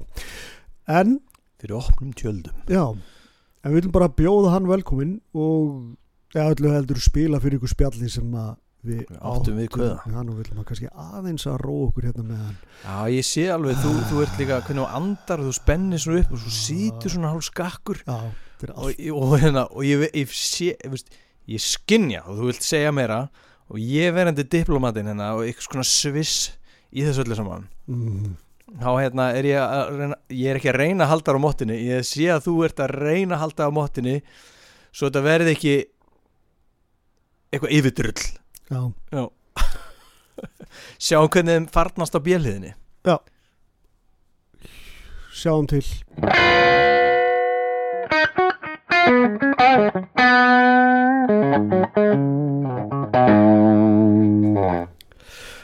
við erum sestir hér ég og Ólafur Torfi Áskísson gestur þáttarins að þessu sinni Ólafur, hjartalega velkomin í alltaf sömum plötuna Jú, kæra það ekki. Það líkur nú beinast við að spyrja þig hví óskupunum þú ert komin hingað Já, mjög góð spurning. Ég þekki ykkur kærlega fyrir uh, að hafa líka látið mig vita með svona sex mánada fyrirvera ég þyrfti að taka rock or bust. Uh, ég, er, ég er mjög svona á hliðalínunni í, í ACDC heiminum. Um, samt finnst mér alveg sárt að þú veist, fá ekki taka bólbreykar eða eitthvað. En, en svo er ég líka sko að ég þekki, það, ég þekki mig það vel að ég er nokkuð viss nokkuð viss um það að ég plötur svona Stokkólm heilkenna mig. Mm. svona eins og þegar þú varst í einhverju bíldruslu með spólu sem var först í tækinu og veist, það var bara einhver lög sem að sýstiðin hlustu þá svo endan á það varst þú bara eitthvað að öskra með Backstreet Boys Já. bara þetta var eina sem er í gangi. Þannig að ef að ég hefði verið með þessa plötu í mánuði í viðbót þá er þetta mögulega besta ACDC platan. En í staðin þá hlusta ég bara ég ákvaða bara að hlusta ekkert á hana fyrir bara núna fyrir þreymur dögum síðan. Já, Eh, ég hafði heyrt hann að það kom út sko. Uh, og, en, hérna til þess að koma með yfirvegað að sína þetta þá, þá hvað ég að gera þetta svona. Góð ákvörðun að lenda ekki í gíslatöku uh, svona heilkennu akkurat, akkurat. Það er, það er uh, að því að ég get, ég get séð bjarta punta í öllum plötum. Um, en já, þetta bara ég, það er mér mikill hefur að koma hérna og vera með þér. Uh, Birkir nú ekki uh, komst ekki með. Mm. en já, þur, þurftu að sinna skildum sínum. Já, já, með verður að gera það. En áður- en áður en við vöðum í sjálfplötuna uh, getur þú sagt ég, ég náði að búa til einhvers konar kynningu hérna fyrir þig já, eða kynna þig til leiks getur verið ég hef farið með einhverja fleipur þar getur þú kannski sagt? Uh, hlustundum hvaða, hvaða, hver maðurinn er? Já, ég heiti Ólafur Tóra Óskisson og uh, hef mér nákvæmlega ekki neitt til fræðar önnið um, til þess að vera hér um, nema bara að vera vinir vinur vina minna og hef verið viðlóðandi margar senur hér á Íslandi í, í mjög mikið í svona support röllu uh, kannski kannski minna rót en meira einhverjum svona vangaveltur í stúdíu og annað slíkt uh, útsetningar eða stillingar eða mikið í trommupælingum mikið fyrir um, alls konar bönd um, uh, Víksbó meðal annars og Döst og Morðingja og uh, þetta er allt saman tengist uh, dáðadrengir uh, en þetta er aðalega bara, þetta eru bara vinið mínir og mjög skaman að- að vera í þessum tónlistarheimi. Mm. og uh, en uh, sjálfur er ég bara trómuleikari sko. Akkurat. En, og svo syngi ég í kór og svona og hef sungið mikið. Hef, uh, ég hef verið hér í þinni miklu herrferð af fimm plötum þá hef ég komið hér og, og veittir tiltal. Uh, í alls konar. Og bara, þú veist ég, ég hef nú aldrei tróðið mér í það, ég hef verið byðin um það bara þannig sjálf um, en hérna en já, ég, ég hef verið svolítið mikið í því um, og uh, uh, þú, sag, þú sagðir að ég heyrði svona rétt aðeins af þessu að þú hefur nefnt döst. Ég átti mjög lítinn hlut í því held ég nema bara að vera aðna og vera fullur með þeim sko. já, það er þó eitthvað. Já, já, það var fínt sko, þetta er mikil stemningsbyr sem að þeirra fengi með, því að ég væri eitthvað öskrandi klukkan fjögur og nótt að hlusta á Megadeth. En, uh, en þetta var bara gott. Uh, og bara það, mér finnst það mjög gaman að, að, að, hérna, að hjálpa vinnum mínum sko, er nú kannski einna helst það Já. Svo er ég uh, amatjör hljóðfærasmiður og alls konar svona í pípum. Meira meira meira kom að svona feta mig átt þangað sko mm. ACDC tengingin sjálf? Hvar og hvenar á hún sér stað? Hún sko hún, hún, er, hún er alveg bara grjóthörði gegna þig sko. Mm. um, ekki það að ég hafi ekki heyrt um ACDC finn ég kynntist þér sko það er náttúrulega rómögulegt en þú veist þegar ég var þú veist svona upp úr 90 89, 90 og þá er ég svona að fara í þingra efni tónlistarlega séð þar að segja Mm. og, og en, en var svona svolítið aðlæta og heyrði þá náttúrulega bara það sem að var vinsalast með ACDC en uh, ég hef alltaf einhvern veginn bakkað inn í hljómsveitir sem að hafa sérstaklega, ég hef alltaf komið með einhver svona bakdýraleið inn í hljómsveitir sem að hérna, hafa verið stórar í geðallanga tíma. Ég er svona, er svona andhipster. Ég er, ég er yfirleitt þegar hljómsveitir eru orðnar ekki cool lengur þá fæ ég áhuga á þeim. Þá ertu mættur. Já, já, þá er ég mættur, ég bara fór á Facebook veist, 2020 eða Mhm. eitthvað, ekki alveg en, en veist, þetta er bara sæmpa, ég fór aldrei á MySpace. Ég var alltaf að býða eftir að ég er lítið cool. Þá var bara Facebook komið. En pointið með það er það sem að veist, ég fór inn í einu nirvana á plöt, með plötunni Incesticide skilur já, og, og hérna ég held með minnir að platan sem ég hafi byrjað að hlusta á með ACDC hafi verið Dirty Deeds. Já, sem að enginn gerir. Og, og hérna en þú veist, ég, náttúrulega ég hef rendið með öllum alveg oft og mörgur sinnum og, og svona hef, hef, hef bara mjög gaman að þeim skilur líka bara fyrir sko stopnunina sem þeir eru. Mm. þú veist, það er þú veist, þeir eru náttúrulega bara eins og eitthvað svona viski bruggunar fyrirtæki Mm. það er, það er alltaf þetta er alltaf sama viskið skilur bara mismandi árgangur Mm. og og þú veist, svo er einhverju brugmeistar að falla frá og þá verður þetta eitthvað aðeins verra en, en þú veist, þetta er þetta er náttúrulega bara stopnum, sko. þetta er bara svona institution eins og, eins og breyti myndi kalla það Mm. Og hefur nú alltaf borið virðingu fyrir því það er, það er sama sem mann finnst skemmtilegt við ACDC er að sama sem mann finnst leðilegt við ACDC stundum Mm. er þú veist, tilbreytingaleysið en, en hérna en ég svo bara mm, mentast svolítið bara um þetta í kringu þig um rætt þetta mikið um, og aðra vinni, ég menna Haukur sem var hérna í þættinu til, þættinu til dæmis og, og hérna við, við hefum tekið svona mikið, mikið spjallum þetta við þrýr Mm. en, en hérna já, það er nú eiginlega bara það er svona eh, ACDC er alltaf einhvers staðar bak við allstaðar, alveg eins og það er bara í, í þjóðfélaginu já, já. einhvers staðar er ACDC í gangi ég fór í strætó í dag mm. uh, var leiðin í sjúkraþjálun og þar tekur á mótum mér strætóbílstjóri svona á að giska rúmlega 50 og reffilegu maður snóðaður með skegg vel flúraður. Heyrðist hann vera, hann var að spjalla hann við ykkur félagsinn, heyrðist hann vera pólskur. Mm. svo leggur hann að stað og það er Back in Black það er Thunderstruck og það er Highway to Hell í röð. Og er hann bara DJ er hann bara með, með einhvern lagalistar sem hann búin að búa til? Og hugsaði með mér að að þetta eru lög sem ég sækist ekki í að heyra Nei, nei. svo leiði sko. Akkurat. Að ég var bara svona ah, ég kom heim. En talað um það þetta sé alltaf fyrir aftan. Já, já, þetta er, þetta er, bara, þetta er bara eins og veist, einhverju svona alheims geislar eftir stóra kveldin bara svona cosmic radiation það er alltaf einhver staðar og lappar inn einhver staðar og það er einhver töffara Jack and Jones búð og það er veist, for those about to rock er í gangi af því að það er hip og cool að Mm. hlusta á gamalt rock allt í hennu þetta er bara, þetta er alltaf þetta er, veist, þú, þú, þú sleppur ekkit undan ACDC Nei. og réttilega þetta er frábært stöf. Uh, bara spoiler ég, ég er uh, ég er ekki búinn að Stokkólma af rock, rocker bust Nei.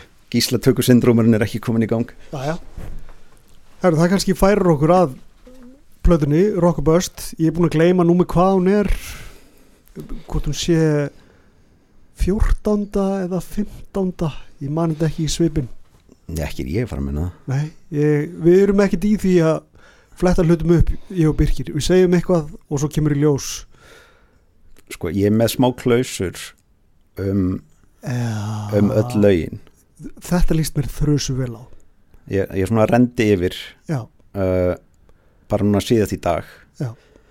bara, eh, segjum að ég hef hlustað á svona tvisarsinnum síðustu þrjá daga tvisarsinnum á, á dag sko. Mm, og í dag þá tók ég niður svona allt sem að svona fyrstu hugsanir breytingar sem að ég hafði frá fyrsta degi mögulega sökum gíslatöku helkennis en en uh, nú ætla ég ekki ég, veist, ég veit ekki hvort að þessi er búin að láta það uppi hver kemur næstileikar eða það er náttúrulega bara einn plata sem er eftir. Mm. en, en hérna svo plata er tölvört verið en þessi já. Þá hlustundur ég eftir að komast að í hvað hvernig mér og Birkir líður gagast í en já, þú ert á að, því. að mínum Þú ert þá, þá myndi ég segja að þetta væri be- betri plata. Já. hún er ekki góð en hún er betri. Já. hún er betri en Power Up. Já, já, hún er betri en Power Up.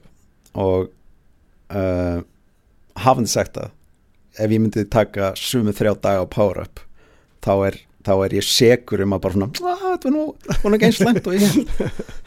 en eins og ég segi ég, eh, veist, þegar maður er með eitthvað svona band sem svona þykir væntum og, og hérna að þá vill maður alltaf sjá svona bjartiliðina þetta þetta er rosalega, þetta er rosalega hérna, meðvirt samband. Þetta er svona fótboltaliðs já, já, akkurat, sko. Bara eitthvað, yes Að mínir menn í með þeir eru ekki lengur í fjórðu deild eða eitthvað, Mhm. þú veist bara ok, ég hef ekkert ekkert hvort að fótbolta.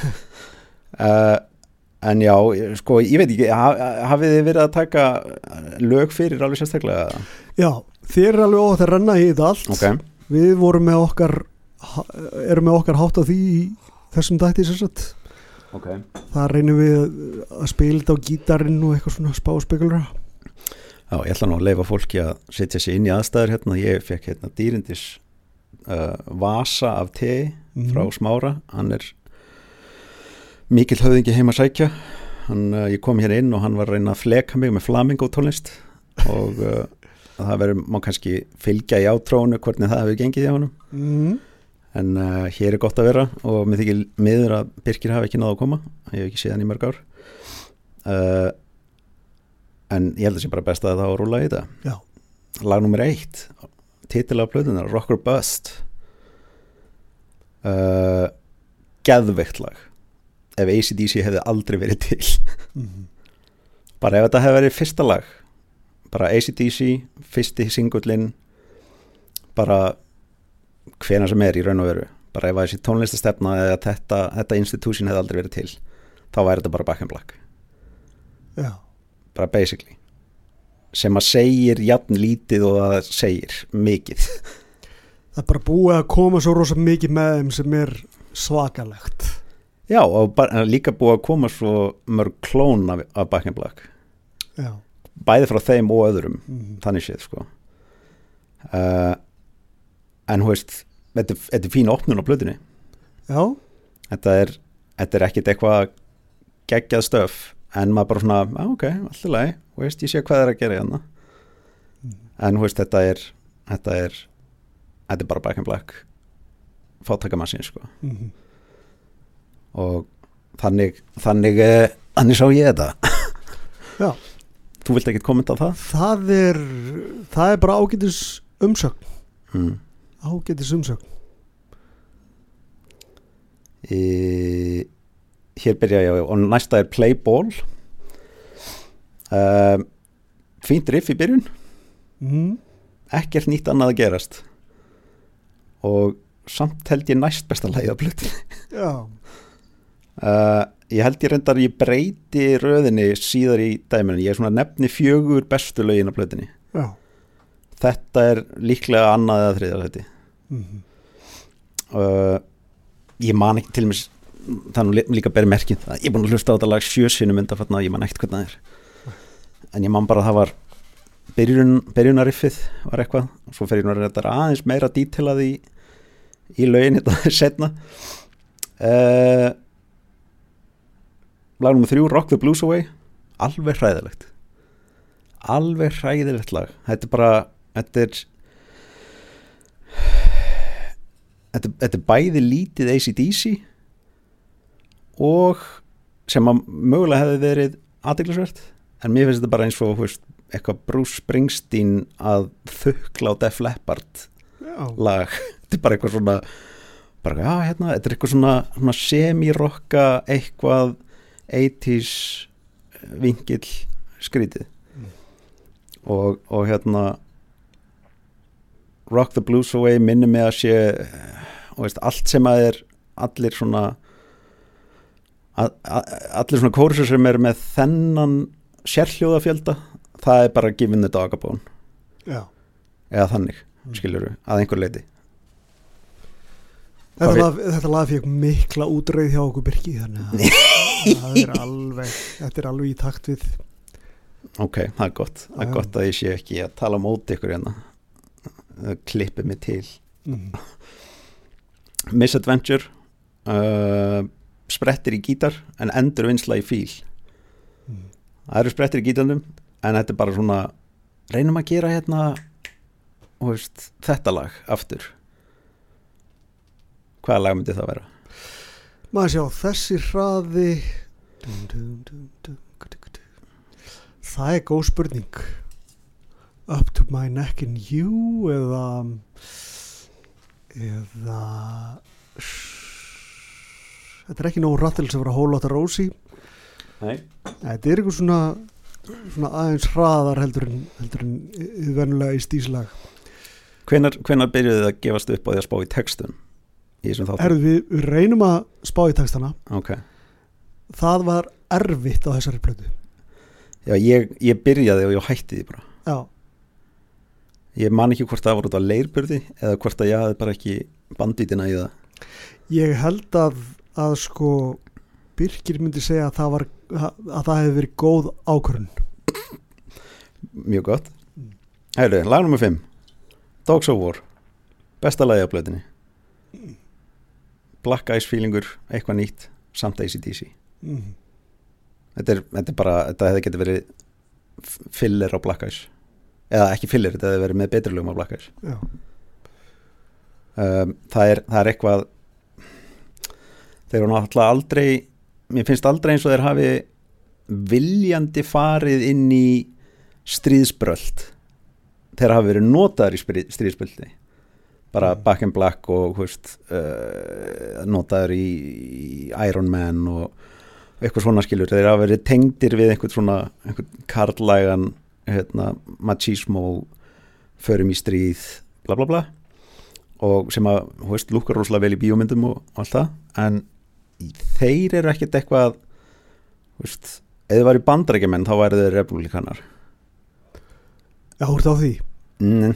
Eh, eh, samkvæmt því sko ef, ef að me, eh, meða við það hversu oft þeir eru notaði til þess að, að íta málstað hægri, vinst, hægri sinnaðra já, að þá væru þeir republikanar Mm. en þeir eru það ekki. Þeir eru frekar mellógaurar að því sem best veit en þarna þeir þarna, þarna komaði með ádil mm. og það, ég man ekki eftir að hafa heilt það svo mikið. Er það einhver vill segja mér? sko nú man ég ekki uh, man ég ekki hvernig War Machine textin er, það er í Black Eyes náttúrulega, eða á Black Eyes. Já, það er stríðslag. En var það ekki samið fyrir einhverja bíómyndið eitthvað? uh, ég held ekki. Nei. en svo er á næstu plötu þá kemur þriðja stríðslægið Úf, þannig að það er hérna þeir ná þremur plötum í röðu það minnst kosti sem að þeir eru í ykkur um svona hugleikum. Kannski Já, bara, bara bara- uppskorp með hugmyndir. Þeir verða íhald samari með aldur já, já. uh, Já, hvað finnst þér um, um að þetta sé besta lagi á blöðinu? ég tengi ekki við þetta lag en Birkir gerði það hins vegar. Já, ok. Ég held að mér sé alveg ótt að segja þetta því þetta er, uh, þetta er fyrri hálingurinn og við vorum sagt búni með hann Egið þið eftir að taka hefum eftir að taka setna hálingin sko. Nú, ok. þú ert í hálfleiknum. Ég er, í, ég er, ég er sideshow. Það er mjög gott. Uh, Fyrir hálfleikun er það sex og uppúr þá eða? eða setni hálfleikur sex- Seinni, Já. sex og uppúr, ok. En se- Lag nummer sex er Got Some Rock and Roll Thunder.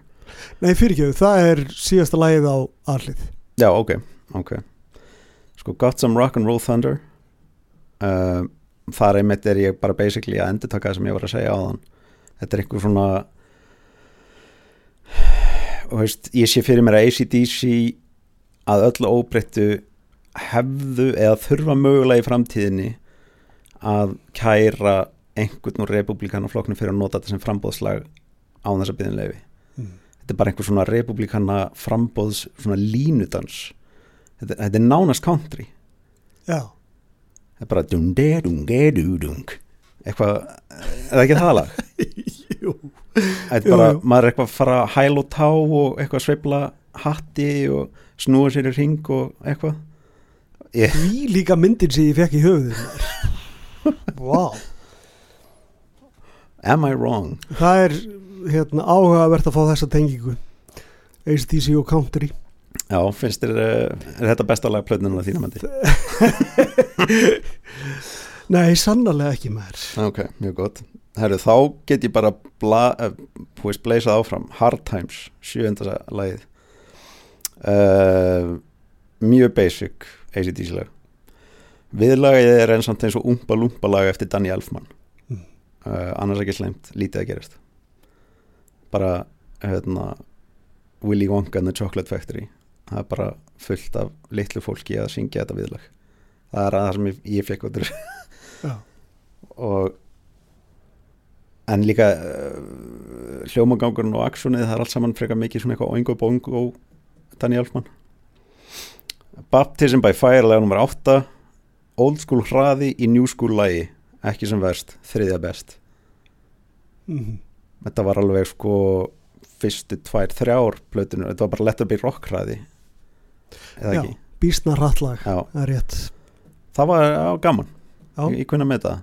Veist, en það gæti líka verið bara að þegar maður er komin á áttundalag og maður er búin að fara í gegnum veist, sögur republikana flokksins að þá bara, ah, þetta er nú eitthvað aðeins betra. Mm veist, maður nánast heyri Bon Scott verið að syngja þetta. Mm.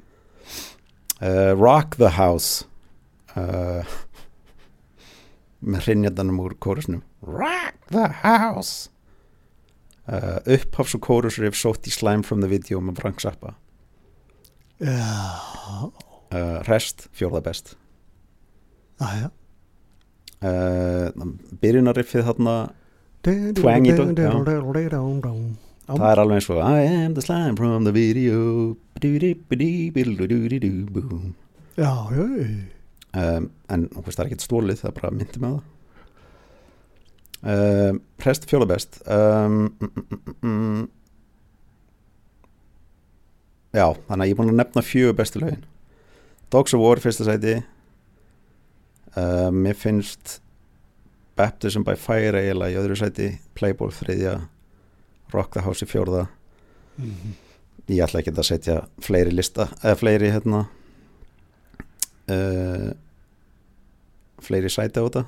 Lag nummer 10, Sweet Candy Mhm. hlusta ekki á textan en þetta er perralag plötunar það er Já. alltaf minnst eitt perralag. Já, svona sem fer yfir línuna bara í, í áferð þá. Svona Já, hann í fyrsta- öfugu ugga áferð. Akkurat, hann byrja, hann byrja meira sem bara Að það er að hljóða sem að gefa frá sér í byrjunarslegi perla plötunar, einhver of ung berleggja þykklæruð svona you know the drill bara wham bam, thank you ma'am lag, Mm. Uh, ég man ekkit hvað ég fannst um þetta jú, bara mér fannst alveg svona veist, þetta fenn alltaf bara vestnandi ég, ég eldist skiluru og ég byrjaði að hlusta á það fyrir 25 árum síðan. Mm. ég eldist, ég var með nýrnastein um daginn smári. Og en veist, það að þeir séu ennþá bara að þá þá veit ég ekki og ég held að þetta bara, já ok, þannig er alltaf komið þú veist, hérna, perralag plötunar þar til að emission control kemur já. sem er lag nummer 11 og síðasta lag plötunar Pínu Seppelin Pínu Play That Funky Music White Boy. Mhm. og ég held að lægi fjalli um að halda reist þú veist, halda honum uppi lengur. Já, bara, það eru tvö perraleguröð og svo er eitt á mínútu 1.46 og þetta, þetta move hann þetta, þetta Mhm. það svara því hvort þetta sé perralega eða ekki Mhm. en emission control emission verandi eitthvað skonar hlutir sem að spítast út úr einhverju eða gefa frá sér eða eitthvað hann, er bara, hann er bara að halda reist sko. þetta er hugulegt já, já, þetta er hljómsittin þín. Þetta er það sem þú elskar smári. Þetta er það sem ákast að gera podcast um. Já, það, það skrifast nú á, á Birki sko. já, já, ég Það sko maður að kenna honum þetta hann er heldur ekki hér til þess að verja sig. Nákvæmlega mér Já, herru, þetta var hörku yfirferð. Þetta var, þetta var það litlan sem ég gætt gert á þessum trendu Mjög gott. Hlustundur fá svo að heyra hvað okkur Birki finnst um setniháleikin en, en en já, það er alveg greinlegt að þessi plata rýst nú ekki hátt á þínum listum. Nei, hver, heitir, hver var á undan þessari? Black Eyes. Já, betri, töluvert. Hún var, hún var ekkit eitthvað frábær. Mm. en það voru þó til dæmis og nú náttúrulega núna er ég endur tekka mögulega eitthvað sem einhver annar fyrir sagt eða enginn hefur áhuga að heyra. En það voru, það var framþrúin á Black Eyes. Já. Veist, menn voru að mæta í, með bassalik í staðan Mhm. fyrir stöðuga E mm og þú veist, það var eitthvað það var eitthvað að gerast á henni Já. og eins og ég segi, of War er bókað bara úr sama sessjóni sko. mm það er mér ekki, ekki dólíklegt Sko, bara svo ég segi frá því að Black Eyes uh, Rock Bust og svo Power Up eru Mm. allar þeim er öllum upptöku stýrt af Brendan Bryan mm -hmm. Og þær eru allar teknar upp í Warehouse í Vancouver í Kanada. Mm. og það er sami hljóðmæður Mike Fraser á öllum plötunum.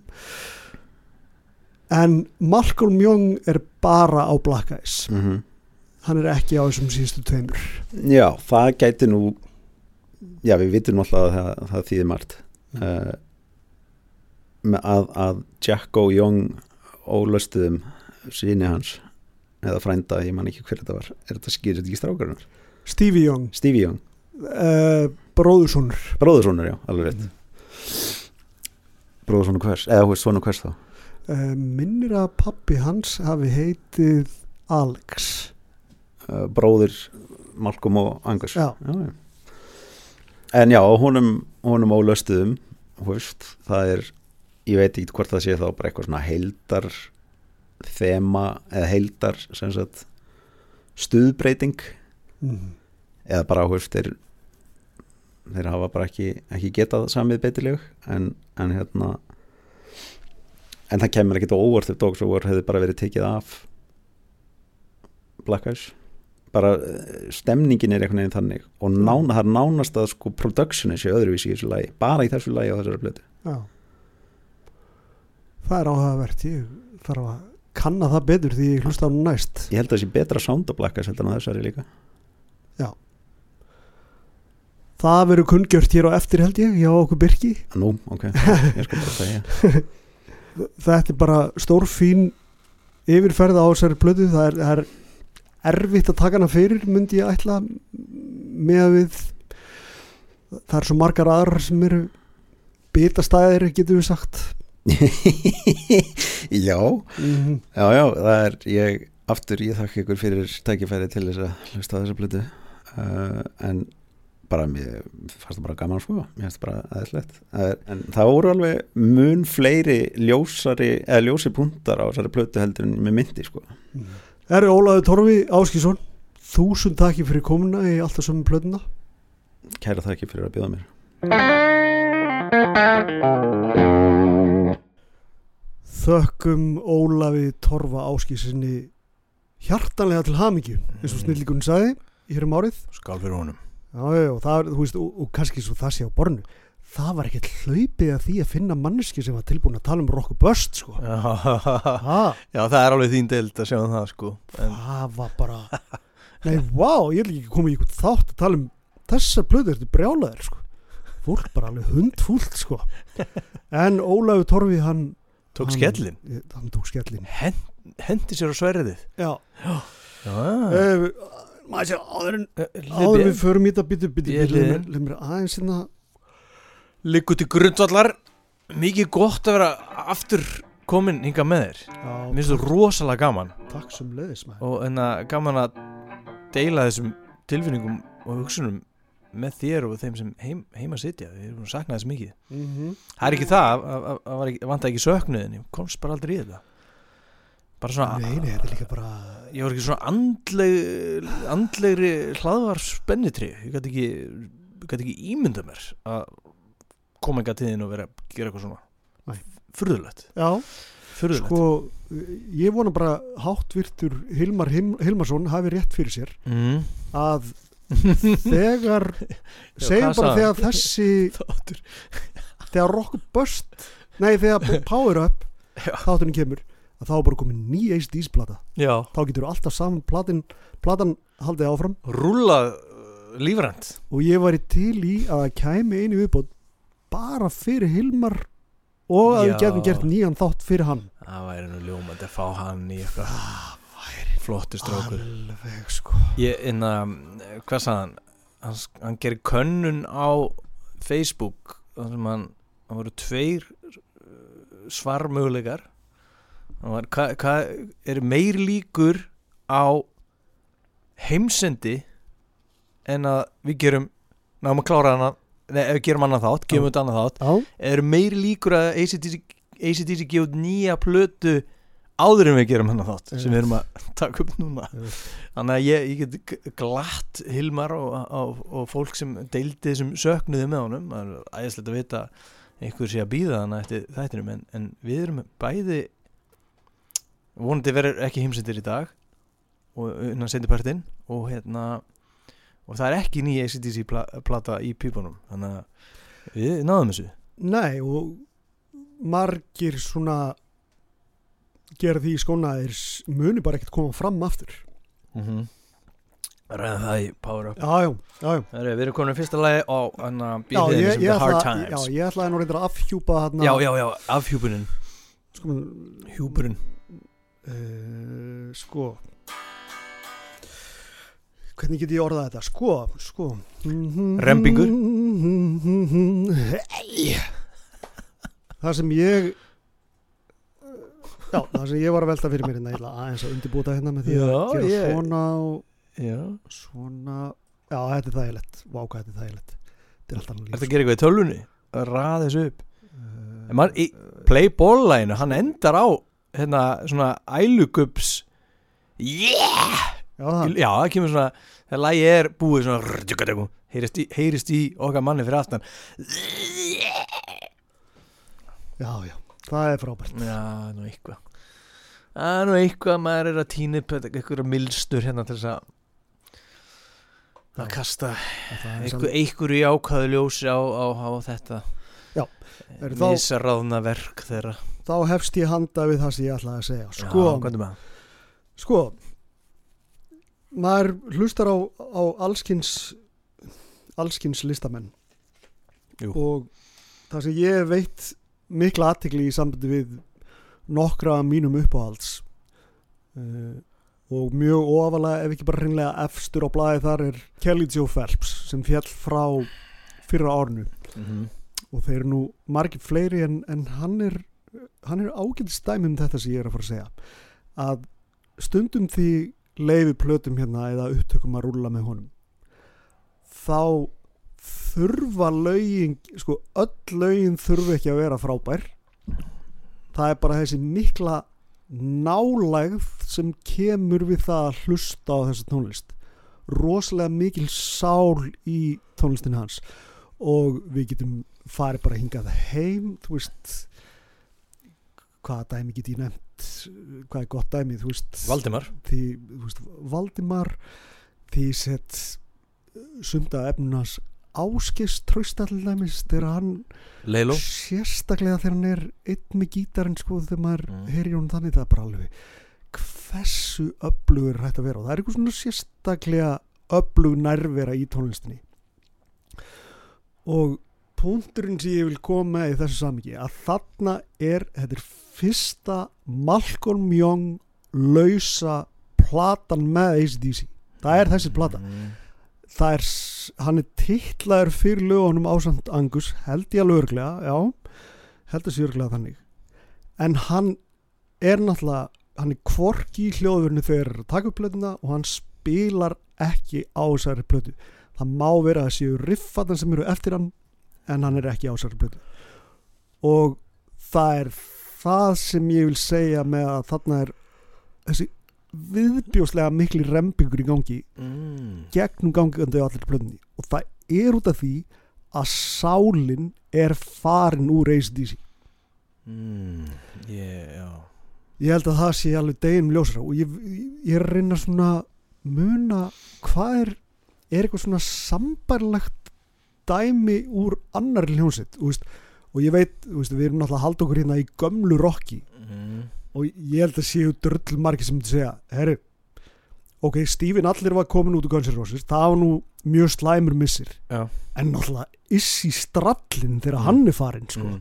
Það er hinn raunverulegi missir þá er maður alveg svona hmm. Þannig að ég- þú veist, getur við nefnt ykkur önnur dæmi mannst eitthvað svona í svipin Við langar bæta við upptalninguna þín áðan Ég sagði, en að sagði Valdimar svo sagði Leiló mm og svo vil ég telja fram Sigrúni Stelu líka. Já, var þetta sál og svona nærveru? Það sem þú ert að tala um þetta, þetta sem er ekki að fes- festa hérna, hendur á eða kasta hvað sem það er. Já, það, þú getur ekki svona gripið einhvern veginn, það er þessi, þetta, þessi galdur þarna. En já, þú meinar já, þetta er skemmtileg, skemmtileg líka þú sagðir þetta, þá var eiginlega þáttur búinn. Já, af því, að veist, var svona, já það er rétt. Af því að það er kannski að góða við hvernig við byggjum hann þáttu upp ég veit ekki neitt, ég renna alveg fullkóla blind í sjóun pluss það að ég skoði ekki neitt. Ég bara Mm. hlusta á tólunstuna og svo núna ert þú að minna mig á þetta og, og, þá er ég auðvitað ef hann veist, kom ekki nála til svo neitt nátt Mhm. þá vantar ekki bara vantar hryggin í þetta allt saman. Ekki bara lagahöndin heldur veist, ímyndaður að hann væri í hljóðverinu og hafa eitthvað um hlutin að segja og ykkur rifrildi við strákana og allt þetta. Mm. það hefði Rock the Blues Away sennilega ekki verið þarna. Og, og allt þetta enna, Brendan og Brian þessar hljóðvers tilraunir hann útsetninga útsetningabúðingur sem við heyrum hingað þanga dreiftum blöðuna það er kannski ekki veist, fengið að, að, að hérna, vera hluti af endalegu útkomunni sko. En já, þú- þú talar um það að vantar svona sál. Mann Já. sem, mann, einhvern, eh, sem fór með náttúrulega Jeff Hanneman. Ekki það að hann var eiginlega bara að stúta sinni eigin sál en hún var endalega farin þegar hann fór. Auðvitað og, og hérna veist það vantar ángurverðina í slegilögin sem er svona grimm ángurverð já, já, sem þegar er alltaf fleiri Kerry King lög á, á kostna Jeff Hanneman og hættilega þegar hann var bara fullur og ekki að mæta og eitthvað svona dæmi mm. og, og þeir hættar að taka marka á hann og þá vant dettur það úr sko Mm. uh, hvað fleira uh, hvað þetta eru Uh, hérna, Þú elskan, mig. getur, getur þú loka klukkan? já þeir eru byrjað að þess að djöblast henni á Já, hótelin ég, ég skal hérna ég skal reyna að halda okkur á floti á meðan uh, en, en mér langar líka kannski að, að eitt sé alveg hérna borðinu líka veist, að því að það er svo oft í þessu, í þessu sálar samingi Já.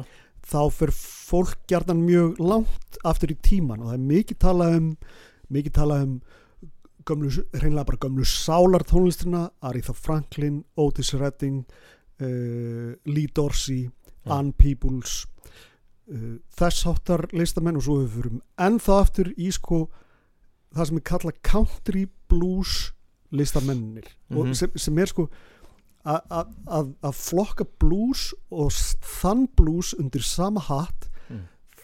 er nánast bara glæpur sko mm -hmm. að þetta er bara ekki saman tónlistin þú, þú, þú, þú setur þú veist, ef við erum að tala um uh, Son House eða eða Blind Willie Johnson eitthvað þannig, setja það undir sama hatt og Freddie King eða eða eitthvað þannig, þú veist, þetta er bara ekki sami þetta er bara ekki sama íþrótt.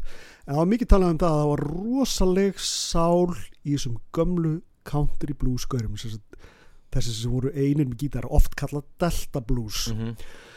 uh, en ég er alveg ég er alveg grimmur á því að þessi, þessi mikla sál sem er hægt að upplifa lifa í tónlist hún er ekkit bara eitthvað lengst, lengst, lengst aftur í tímanum, hún er Mhm. líka í Núna. dag já, já, þú veist, þú getur fundið eitthvað svona sálaríkan listamann í dag, ekkert mál þú veist, og, og mjög gott íslensk dæmi að þegar ég fer þegar ég fer nú, nú hljómar þetta eflust eins og skrítið dæmi sko, en, en þegar ég fer til dæmis og sé hjálma á tónleikum og Mm. sé Þorstein Einarsson Mm spila á gítar og syngja að það er bara ég, ég má hafa mig allan við að bara fara ekki sleik við alla hljómsveitina sko. -hmm. Þú veist, bara, bara tilfinningin sem hann setur í söngin og tilfinningin sem hann setur í gítarleikin og ég var svo heppin að sjá hann sko, áður en að þeir vera stórir þá var hann gjarnan að koma fram einn með gítar og það er bara eitthvað það mesta rugl sem ég voru vitnið að sko, mm.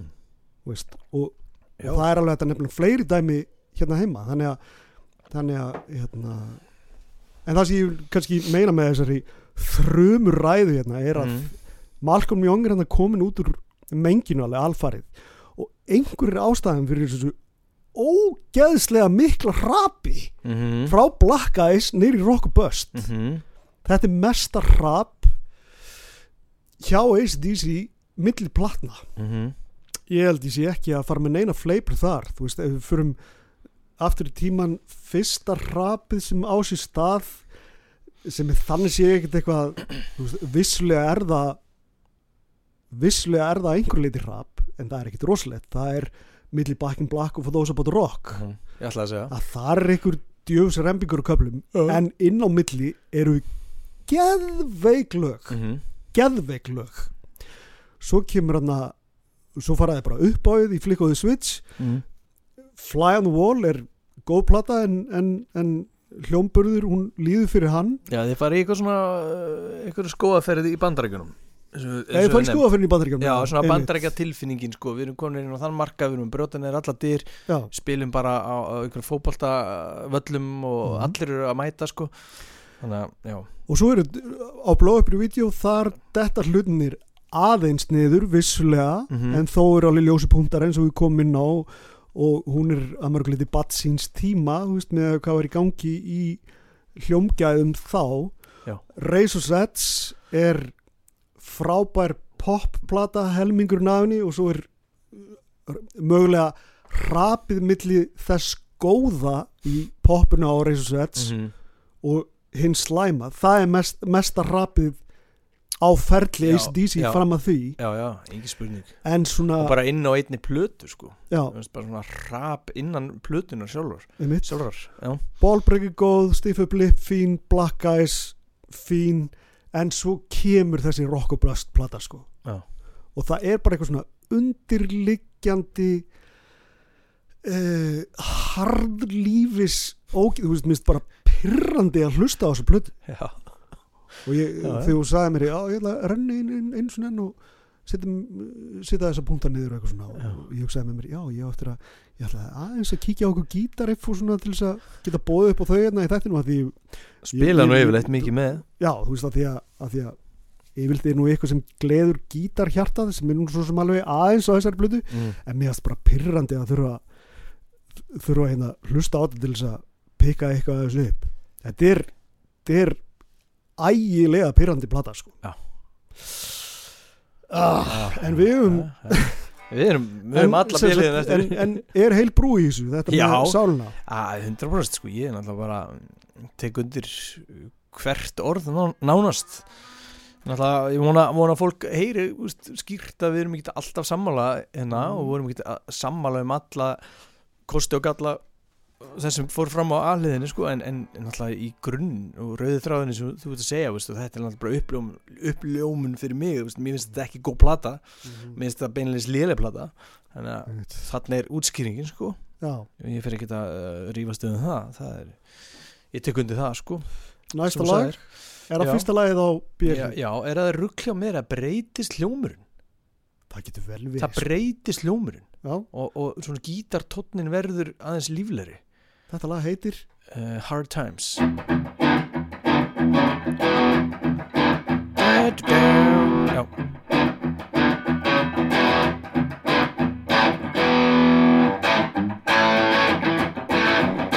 Já. Kann ekki rest sko, af því þú ert að spila henni í herbygginu og ég er með hennar magnaran við hliðin á mér já, þá er smá veist smá feitt, þetta er smá feitt hjá þér þetta er alls ekki feitt á skilur, og, og þá er ég bara ok, nú, þannig byrjar björliðina og það þarf að byrja björliðar alminnilega svo, svo fólk bara plöður, plöður eru lagðar upp þannig. Já, og, og náttúrulega þetta er náttúrulega geisladiskur þannig að Já, veist, þetta er á tímu geisladiskins þannig að uh, fólk var sennilega ekki að hugsa um það. En, en svona allavega, ég, veist, ef við gefum okkur að segja, við erum hlusta á þetta á vínplötu þá er þetta rosalega svona gleymanleg byrjun og upphaf og hérna og allt lægi sem slíkt er gleymanlegt og, og ég mér finnst lægi ekkert ömulegt en, en það er svo ótrúlega minnlust og ég er svona þannig er ég byrjaði einmitt að sakna sennilega þess að þú ert að tala um að miklu leiti er bara, hvar eru feitu riffin? Hvar er feitu sleggju riffin? Hvar er dólgurinn? Skilur, hvar er pungurinn veist, og, og, og, og, veist, pungur. Af því þetta ACDC þá bara líður mér ágætlega með að tala um pung Já, í tónlist skilur Já, og, og hérna, en, en þetta er bara svona þetta er eitthvað svona algjör svona tímapunktur þar sem ég fæ bara svona, nei, veist, bara þessi blata, guð mig góður.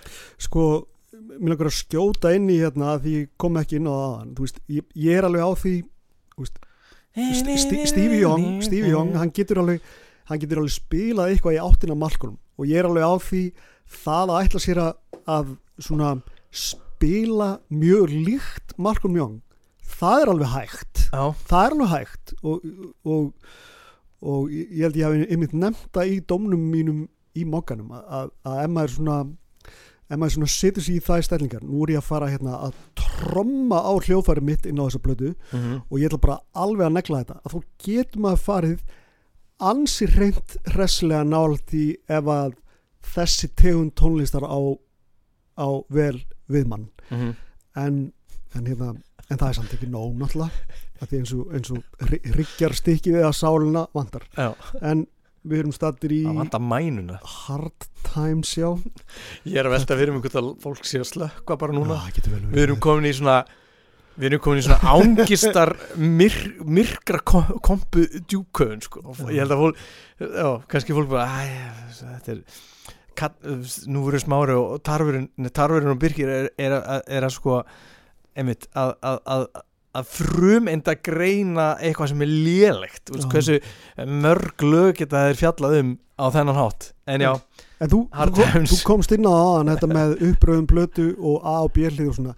ACDC hugsar þetta alltaf út frá vínil bara út frá gamla daga og plötunar eru teknar upp sem sagt, uh, analóg teknar upp á uh, Mm. Band. fjölrása snældu upptökutæki og, og allt gert til, til þess að þetta hljómi vel á vínil og, og upphafslag björliðar er jafn mikilvægt nánast og upphafslag mhm. aðliðar já, Þa, þ- í, í, í, í því samingi langum að segja það eru mjög margir sem hlusta á Back in Black björliðina já, fyrst, fyrst, já, veist. Það sem Back in Black er upphafslæðið sko. þannig að það skiptir máli þannig að það er sitt í þetta lagana það er mjög skrítið mm mjög skrítið, þetta er, þetta er enn eitt enn eitt Klúðrið. lull, lullarinn sko. Alveg en hvað Já, heitir næsta mikill lag? Næ, Næsta lag er hérna Baptism by Fire Eh, bíddu, Ba- eh, bíddu. ba-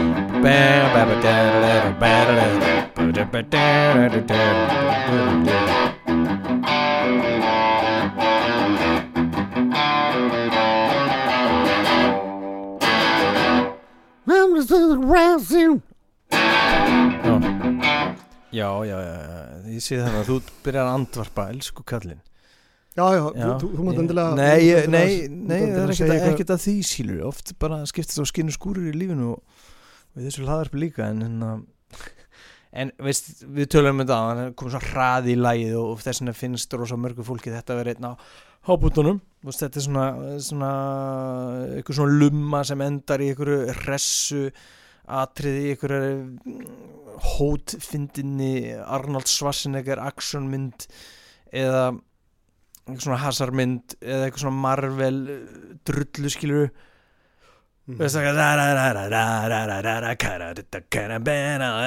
í einhvern bílar hvað er það að gera maður? Hei hafið það þér maður? Eitthvað svona. Já. fattur þessi gýr og, veistu, og Baptism by Fire þetta er riff þetta er þetta er platan þar sem riffin gleymdust þannig að þetta svarar kannski riff þörfin að einhverju leiti Þetta er þokkalegt riff. Já, já, og eins og ég segi, það er ekki sérlega beysi riffið en útsendingin á læginu er lúmsk þú veist, og glúrin af því að veist, ég sennilega aldrei sagt þetta aður en það er smá svona flækjusti í því hvernig kaplanir tengjast og kallast á einhvern annan, veist, hvernig byrja í rassin og hverju öðrum og, og þá er ég svona, var Phil Rudd bara viljandi að gera þetta eða, eða aðtökaðast þetta bara svona og, og lægi rennur en, en það er svona óvinju óvinju hérna flókið innan gæsalapa og, og þannig að svona hildar áhrifin að þessu lægi er í sterkari kantinum og að maður ætti kannski að segja að þetta hefði átt að byrja hliðina og svona mikil gítarmessa þetta lag sko Mm. og, og, hérna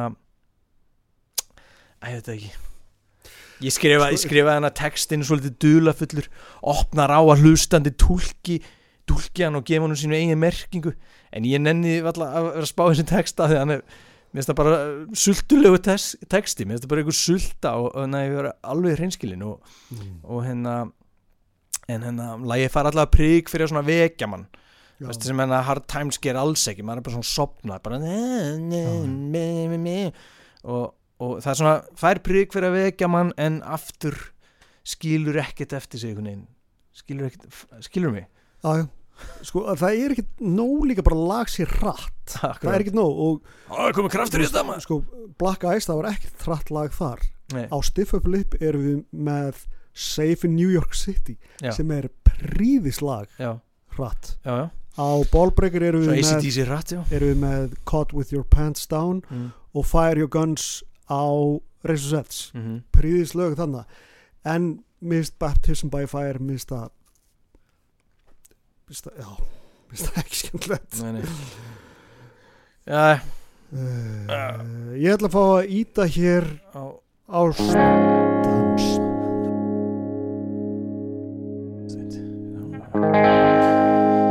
Já, já, það er eins og við manni mælt maður, við erum komin í, lag númer nýju já, og það er fjóruða lagi með rock í tillinum og þetta er Rock the House. Uh,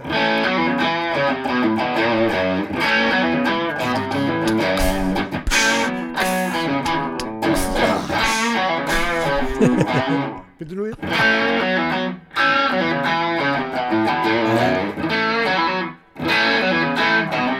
Já, ok Gonna diddle it in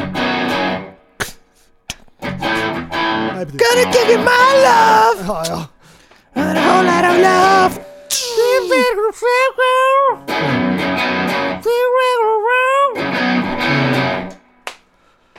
uh, Já, Du, du, du. Bam, bam, Já, hann- hann gerir þess að Bam, bam.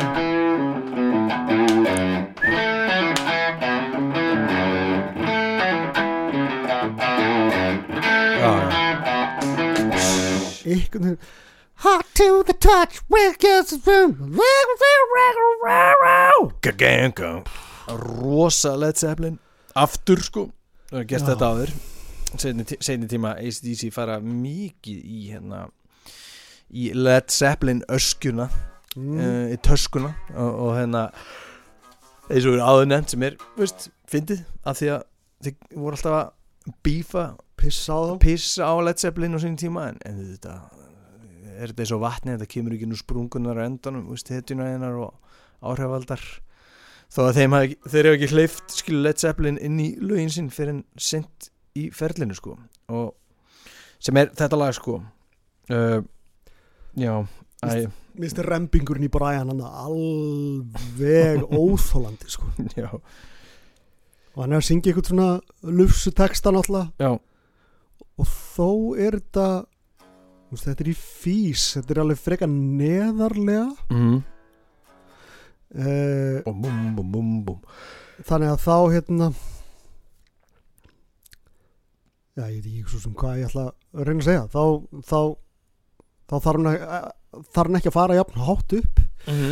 Hendar honum. mér finnst það bara samt finnst bara rempingurinn algjör hana ég bara svona, mm. ó, djöfull er þetta leðilegt Ég veit ekki hvort þessi út af þessum remping sko sem þú ert að nefna. Ég kannski upplegaði ekki þannig en, en ég verð alltaf hálf pyrraður því ég hlusta á þetta lag.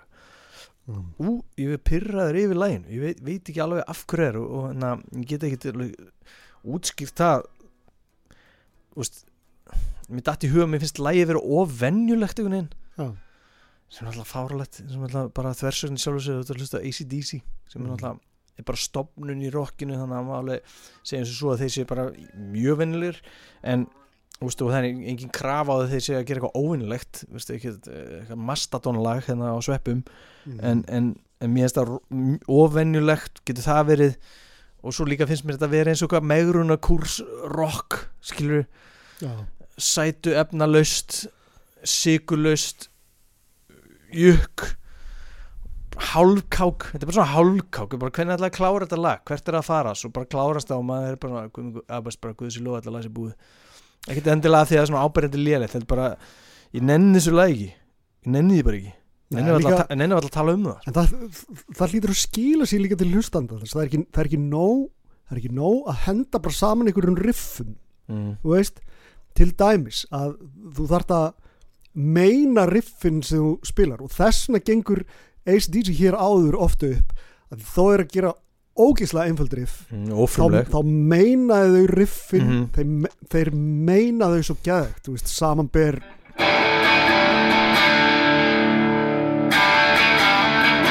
já, já. Emitt, emitt allt annað þú veist, þeir, bara, þeir, þeir bara meina þetta gæðegt Já. og uh, þarna, hér kemur hérna flóki rockriff sem þú veist, er að mörguleiti alveg ágætt. En það er spurning, er, er þeir eitthvað að meina þetta? Er þetta ekki bara, er þetta ekki bara eitthvað erfið til að semja hérna svona riff. Já, við þurfum að gefa út þessu plötu hérna. Er þetta meira í lagina Vist, þetta er svolítið þannig. Alveg, minnst það minnst það hundleðilegt sko að við hröpum að sömu áleiktun á þess að rætta sko. uh, það, er, það er það er þetta eins og ég, trú, ég trúði þeim ekki. Mm ég var að tala um það. Og þér finnst þér ekki meina sem við erum að gera. Þetta er eiginlega sama já, við komum eiginlega saman komum saman hana já. með þetta. Ég, ég meina, látum þetta bara eiga sig En er, Rock en, the en, house. en, en, já, fuck, kannski, kann- fuck the house. kannski við komum minna, komum minna. Þegar þú ert með svona hjarta á sári hljónsitt mm. að styrkur hans liggur svo rosa mikið í þessu bara Malcolm Young bara mm. leiðtói sem er frábært dót er, er já, lungin í mörgu og, og, og kannski hæfileikar Angus Young liggja meir í því hann er, hann er fáránlega góður sólugítarleikari náttúrulega, ótrúlega góður og frábær rithmagítarleikari líka með bróðu sínum hann er það algjörlega. Uh, nærist hann á eldri bróðu sínum? en mögulega sko mögulega liggja hæfileikar hans bara ekki þarna. Mm. já, mögulega það er, það er bara augljóst. Uh, Ég held það, þú veist og, og það er ekkert eitthvað illa meint þú veist, að, að fá ekkert allir eitthvað þess að náðargjöf. allan, allar, þú veist væri það ekki bara ósangjart Angus Young er mögulega einn af einn af bara bestu blues rock gítilegurum eða bara rock gítilegurum sem uppið, uppið hafa verið. Já. hann bara þar. Væri eitthvað sangjart að hann væri bara með, geggjaði með, lagahöfundur með, með allan pakkan sem að bróðir hans með líka mm, þú veist mm, mm. og náttúrulega líka Malcolm náttúrulega, veist, þráttur allt ímyndaði mér og vona, ég hef ekki lesið nefnum bók að hann hafi verið sá sem klift, eða skilur stoppaði þegar var of langt gengi í ykkur, skilur mm, hér eru of mörg lög eða þetta lag gengur ekki upp að því það er einmitt rempingur, það er ekki sannfærandi, það er ekki trúanlegt. Já. Og hann hafi verið svona góð síja fyrir kjaftaði sko. Það er, það er, hérna, það er mjög það er mjög líklegt. Þannig að kjaftaðis síuna vantar alfærið á þessu blötu þannig að alls konar hundar og, og bara eitthvað bara einhverju úldnir eggjabakkar fá að fljóta með mm. það Já. ja, talandum úldna eggjabakka Sweet Candy, lag nummer 10 Nei, byrju Nei, byrju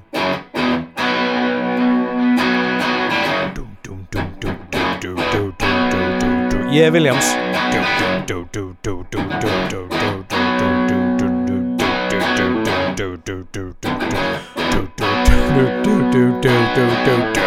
Hanna, hanna. Það veit Æ, Ég bara ekki hvernig er, þú veist. Fullt að lögum maður. Á þessu plötu sem Williamson er bara á einni nótu. Það, það er alveg Það er töff sko. Já, já, já, Svo kannan það. Það er svo dásalegt en, en, en hérna skilur Ég veit ekki veist, hér, Jú, það er smá gretta þannig en svo náttúrulega þetta er óður til súludans með hana. Og ég er alveg svona áttið það eftir?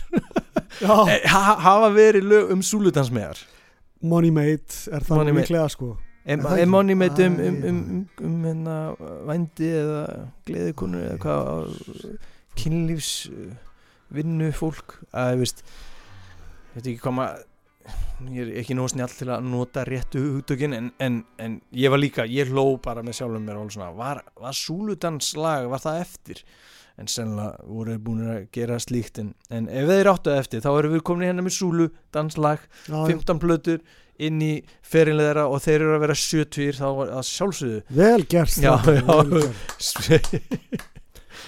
er gamla góða súlan. Sætt sælgæti Já, það er að stöða þessa menn sko.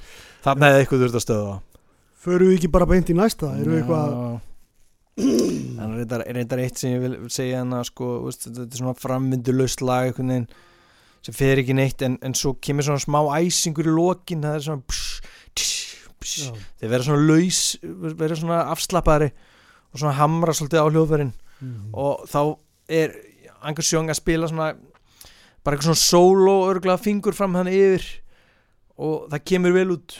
Og, og þá var ég líka á þessu tímapunktu var ég svona það er ekkert solo sem ég hef verið djöfull er þetta gott solo veist, sem er eiginlega bara hefur aldrei gerst áður. Að ég er svona það er alltaf sama, við hefum verið að hlusta lélegu lög með þeim sem er með frábærum gítasólum já. en ég, það, mér finnst eiginlega ekkert gítasólu að vera svona vá hvað þetta er flott vá hvað þetta er smekklegt djöfisins ruddir í þessu sóluð það, það hefur ekkert gerst, við erum komið í, í sko lag 10 og núna Já. er það er það þarna síðasta lagi Mission Control. Já, byrjum við. Sem ég finnst alveg vera stórfurulegt lag. Má sjá.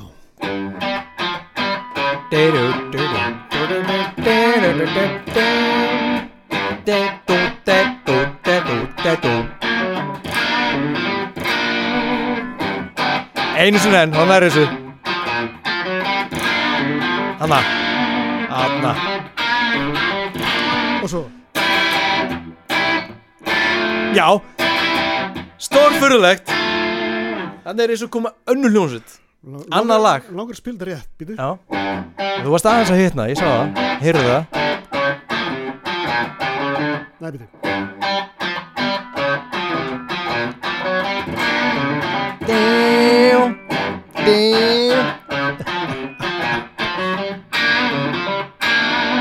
Þannig er smá, þarna er alveg mér finnst þetta töff Já, ég ætlaði að mynda að segja að þarna kemur alveg já, líka hann þú veist, er taka Alveg en- ferundin, ferundirnar hérna. Já. sem sagt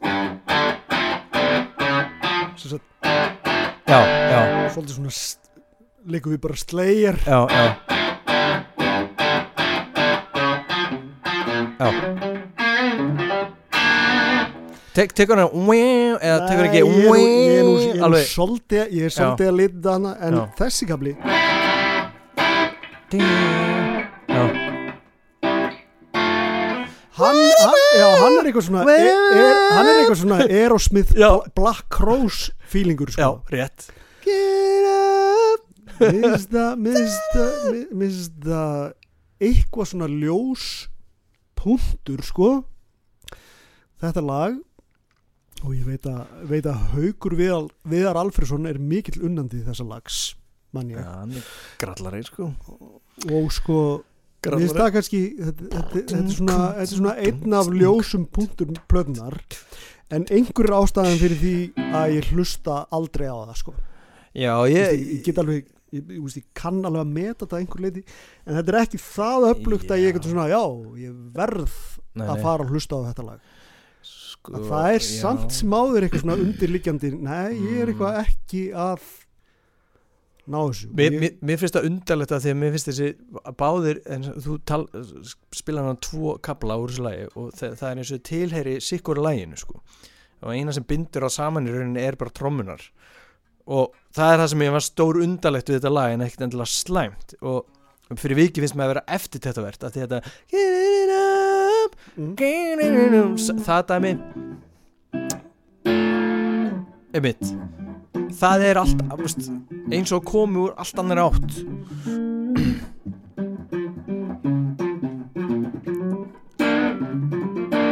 En mér finnst mér finnst þeir ekki vera samir við sig hann í blá lokin á plötunni sem hefði geta verið eitthvað svona veist, hei við erum ennþá heima sko.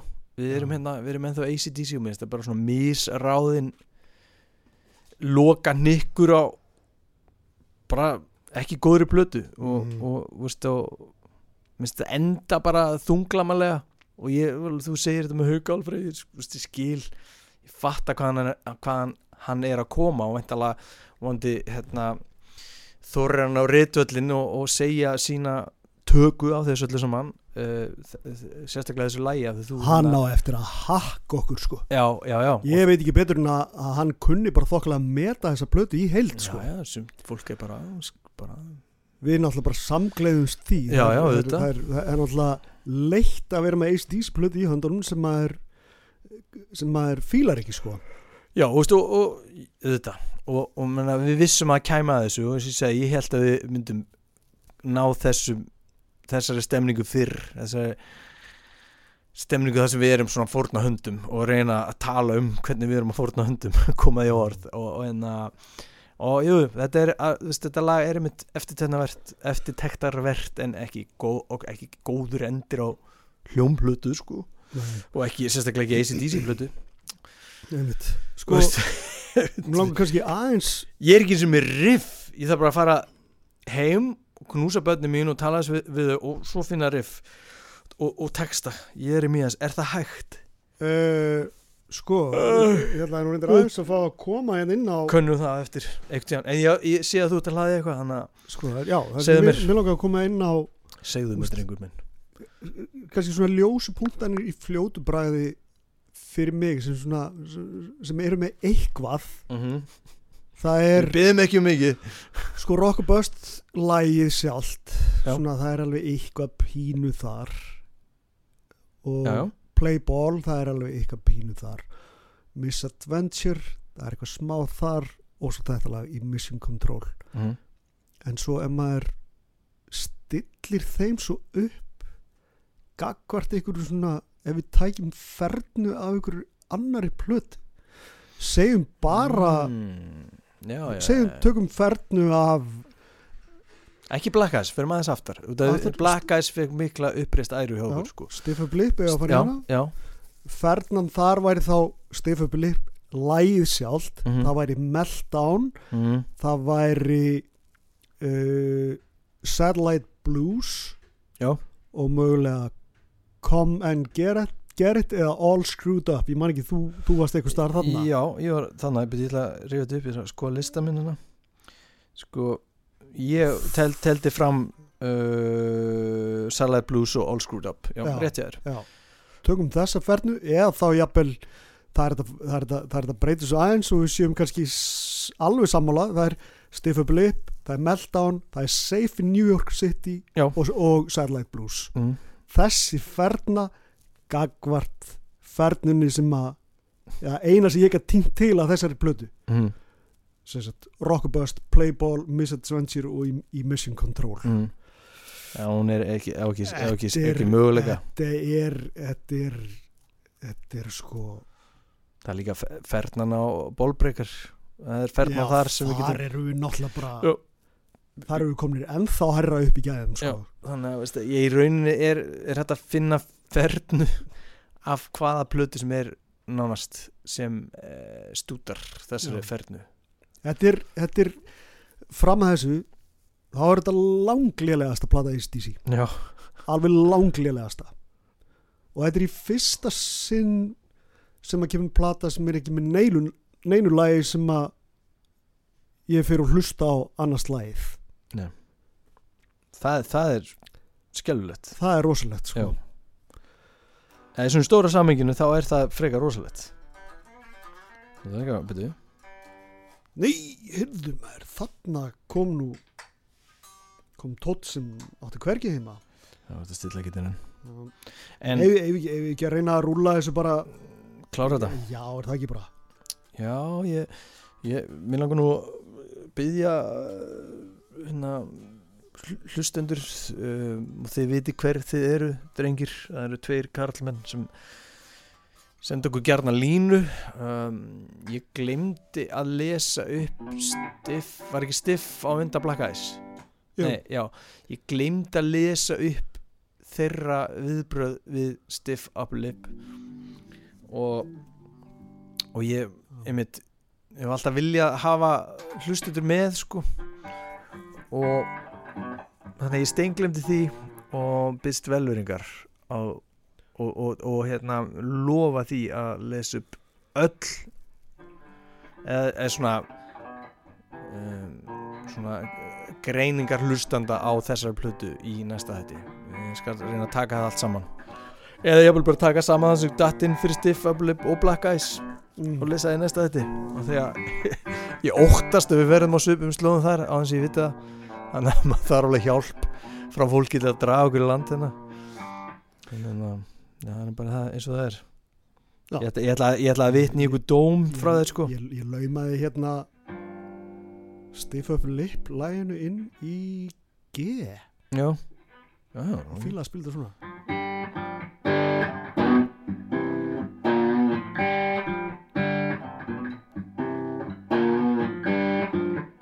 er bloggið mitt horfið? Getur það verið?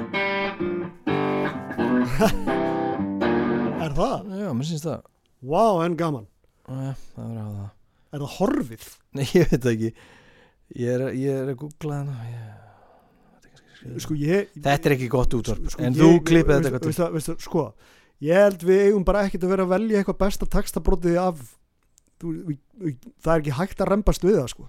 Nei, veist, ég hugsi við verðum bara að sleppa í þetta er, þetta er, Já. þetta er, þetta ætti bara skamma sín þetta er, er bara lang af því að þeir hafa oft verið gaggrindi fyrir þetta og maður sér þetta ennþá í í, í dag Já, þá sér maður þetta á eh, spjallborðum ACDC manna mm.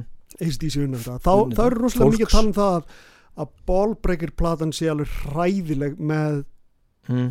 textamálin sko Já og veist, ef að hún er hræðileg mm. hvað er þá þetta? Já, já, akkurat, ég meina st- við, við meðum ekki heldur reymbast. Maður má ekki vera að að reyna að krista blóðu steini en að veist, að við erum að finna einhver textabrót sem okkur líka, veist, mér líkaði ekki neitt textabrót Mm. og vonandi er ykkur sem er að hlusta okkur sem fann eitthvað veist, gleðilegt í textagerðinni. Já. en mér finnst það ekkert líklegt. En það veri, ég myndi ekki slá ég myndi ekki vera alveg bú eða rámt í þær Mhm. smekkur fólk sem veit. en, en meina ég fann ekki neitt og ég, Nei. já, ég samlar, ég ætla ekki eins og að reyna að finna neitt. Ég meina þú gast þessar plötu tvær stjörnur af tíu. Já. það er rosalegt. Og þú skrifaðir heila stóra plötu um um þetta og svo gerir svona útráttina fyrir þú gerir annan svona rosalega ACDC pi- pistill og, og þú segir henni að þú vart hlusta á hana síðan hún kom út. Það er mitt það er mjög erfitt að hlusta á þessu plötu. Hún er, hún er bara sko, og þegar tónlist er þannig að það er eitthvað svona, er eitthvað svona undirlíkjandi sem fer í töðunar að þér mm. þá er bara óþægilt að hlusta á þetta sko. já, já, og uh, það sem mér langar kannski að gera þú ert svo samkvæmi sjálfur það sem ég væri til í að gera áður en að þú, kannski hugsaður þetta með gítarifi á meðan því Já. við ætlum bara að sleppa þessu textabróts kjaftaði mm en það sem mér langar að minnast á er að þeir fara svo í tónleikaferð sem, sem náttúrulega hvert, hvert þetta er, þetta er bara leikvanga tónleikaferð. Mm. þeir spila aldrei innan dýra þarna. Ég er alveg nokkuð viss, um, no- nokkuð viss í minni sög þarna. Og er alveg móka út tónleikamiðum uppsett alls staðar og svo leis þarna fer sér að Kristleit er ráðinn á trommunar og þeir reka ekkert fyll rödd. Þeir bara svona þeir, í samtöfu við kynningarmál og svo leis veist, þeir eru rosa góði með þetta. Þeir svona, já, þetta, þessi, þetta ástandarni í ástarlíu þú veist, það mögulega bara svona leysir sér sjálft. Mm. en þeir eru ekki að segja fyll röddi komin út. Nei. þeir segja það aldrei sko. En Chris Leiti fengir hann inn til þess að tromma og það er sniðu pælinga á hálfu Angus Young að því að hann nýtur náttúrulega virðingar hjá þeim sem koma inn á Thunderstruck já, þar hann kemur hann og það fyrsta sem sést tónleikalega séð er að þeir koma fram á Grammy velunum og þar taka er ef ég mann rétt, taka Rock Bust lagið og taka Highway to Hell. Og ég man bara eftir ég, ég fekk hérna skilabóð frá frá Magga Magg trommara hann bara á að geta bjóðið upp á neitt grúfiða hvað rugglir í gangi? Þú veist. En allavega þeir fara í tónleikaferð með Rock Bust og það sem gerist er að Brian fyrir að eiga í vandræðum með hirnina mm. Og hann er allt í hennu bara komin þú veist, hann fær bara læknirinn segja hann bara, þú verður bara hætta þessu, annars missur hirnina alveg og það voru mjög undanlega sögur sem fór í gang á þessum tíma og ég veit ekki betur en að Brian Johnson hafi sjálfur sagt allt í hennu kom ég heim og þá var allt drastlið mitt það var bara í innkesslinu heima og búið að skuttla eða ángað mm. og ég man eftir að félaga mínir hérna, á, á Englandi Já. þeir hugsaðu með þessi bara býtu nú við Brian Johnson er búin að vera hérna hann er búin að vera ACDC síðan 1980 og er þetta meðhöndlunin sem hann fær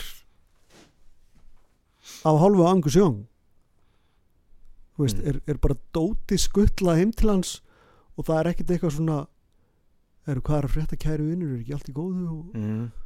þú veist, þetta var rosa skrítið sko og það fóru alls konar sögursagnir í gangum hvað væri að fara að gerast og þeir prófuðu, ég man því miður ekki hvað hann heitir þeir prófuðu söngvara Nei. úr heiðus hljómsið ACDC Já.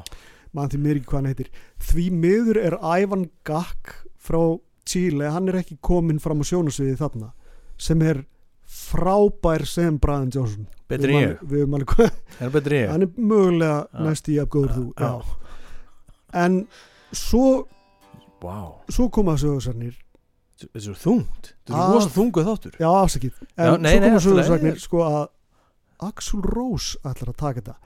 Og það kom á einu ACDC svona virtu ACDC bloggi. Þá kom sko þið getið alveg gleymt því að Axl Rose er komin inn. Það er bara orðrómar sem ég ekki að trúa. En jú, það var einmitt raunin. Axl Rose klára þarna ég man ekki hvað það voru margir tónleikar hvað það hefði verið 10 eða 15 eða eitthvað og hérna Ég- það, var náttúrulega bara business og ekkert annað þeir voru búnir að selja, selja þessar tónleika með það. Og og þeir vildu bara það hefur bara verið svo rosalegt tap Mhm. að þurfa að leggja þetta dæmi niður. Og þeir, þeir gerir þetta alveg rétt. Það er betra að fá Axl Rósatn inn heldur en einhverja Brian Johnson eftirhermu. Mhm. mögulega hefði getur gert þetta með Ivan Gakka því hann er farin að vekja tölvöra aðtikli í heiminum núna, undanfarin ár. Hann var ekki byrjaðar á, á því þarna. Uh, en það sem mér fannst mjög skrítið það var að fólk skildi eitthvað svona lepja þetta upp. Já, frábært að Axl Rósi að koma það, hann stendur sér rosa vel og gaman að heyrta eitthvað bla bla bla. Og ég var alveg ég, í fyrsta lagi þá er Phil Rudd ekki hana. Malcolm Young er ekki hana. Minn kæri Brian Johnson er ekki hana. Mhm. og Axl Rose er komin að inn og þið ætlaði að fara að segja mér það að þetta sé eitthvað frábært að það sé að gerast. Og ennþá setna þá var alveg úr sumum sem sögðu já, vonandi gera þér plötu. Ég alveg, nei, Nei, já, nei. Vonandi gera þér alveg alls ekki plötu. Að því sumt á bara sitt heimili. Axl Rose, háttvirtur Axl Rose á sitt heimili Guns N' Roses. Já, viljum okkur en já, þetta var, þetta var rosalegt. Og, og, og þú veist og, og ég þekki ég þekki menn, menn sem fóru sem áttu miða og þeir hugsaðu með sér, er, við förum bara hérna og, og horfum á þetta. Minnir þetta sér kalla Axel DC Já. minnir þetta sér kalla það meðal ACDC og þeir sögðu við fórum eftir nok nokkuð lög. Þe- þetta var bara ekki rétt. Já. þetta var bara ekki rétt. Mm. Nei, og hérna og ég var löngu búin að ákveða það eftir ég sá Black Eyes og sá alveg þú veist þá er ég að sjá það þarna, búin að sjá það náttúrulega marg oft og ég hugsaði með mér þetta er endurinn fyrir mig, þeir verða ekki þeir hafa þetta ekki lengur fyrir mig, þeir eru alveg nógu góðir fyrir einhvern sem það hefur ekki séð á áður en fyrir mig eru þeir ekki nógu góðir. Og byrtingamyndin að þeim með Brian Johnson á Rockabust með Chris veist, var hræðileg. Mhm. hræðileg. Og við þurfum endilega að bara posta þið til þess að sína fólki e ef þið kallið þetta gott ACDC ykkur er ekki bjargað. Það er rosalegt en ég held minna standardin er svona lár hjá fólk, fólki af því að dyrkar eitthvað svo mikið. Við höfum ofta rætt þetta. Sko Það, maður má ekki dyrka svona agalega mikið. Nei nei það er rétt og, og reyndar sko reyndar sko góðu vinnu minn hann, hann fór og sá þá og raunar sko nokkri gamlir sko heiðursmenn hérna frá Patro það sem ég ólstu upp að þeir fóru á ACDC og, og sko feld og, sko með Brian Johnson mm. þarna í Rockabust tónleikaferðinni og og einn talaði um sko ég, ég vildi bara fara og sjá þetta strax aftur bara, og, og ég skil þetta rosa vel það að vera nálagt Angus Young þegar hann er að stíga á svið þó hann sé orðin hann að 60 eða eitthvað álíka Mm. maður sá það alveg á upptökum þú veist, jújú, hann er alveg búin að missa hérna aðeins skrefið og svona spilar ennþá úkslega vel og það bara að vera nálagt honum þessum sögulega skemmti krafti. Það er frábært. Og hérna, hefur mjög mikið tilfinningalegt gildi. En en guðmi góður þegar Axl Rose var komin inn í þetta. Uh, hann, hann hefur ekki töm, sömu tímasetningar á Brian Johnson til dæmis. Og, og, og það heyrist glögt að þegar hann þurfti að leggja það á sig að setja tímasetningarnar rétt eins og til dæmis í Thunderstruck í stoppunum þegar hann segir Now we're shaking at the knees. Þá var hann alveg neldur en þegar hann var að syngja bara í miðjum lögum þá leiði hann sér að vera miklu minna neldur á tímasetningunum. Mm. og þetta gerði Brian Johnson ekki, hann Nei. er alveg hérna neglir þetta bara eins og trommar eins og við höfum talað um. En, en en þú veist þetta Axl Rose dæmið það sé að, að það sé tala um þetta sem eitthvað ACDC eitthvað, mér finnst það alveg bara rosalegt eins og hann hefði ykkur tíðan sko komið til greina sem ykkur skona meðlimur í þessar hljómsveit sko, þá hefði ég bara Þetta er svolítið sirkus sko. og þarna held ég fólk er aðeins mikið að, að hérna, haldi í fórtíðin og, og reyna tromm upp ykkur sirkus og allt er ykkur nostalgíu sko. Meina, meina setja bara Bobby Blitz úr overkill maður inn í þetta. Það hefur væri það hefur örugglega gengið betur. Ég get svarað maður. Ég, er búin að vera ég er búin að hugsa um það sko. Og ég verð svo glaður að hugsa um hann að syngja með þeim en já, En ég ætla í lokin kannski, núna ljúkum bara, ljúkum þessu þætti, en ég ætla alltaf hann að velja gott gítariff að þessari plötu og það er, já, ég ætla kannski að spila það rétt.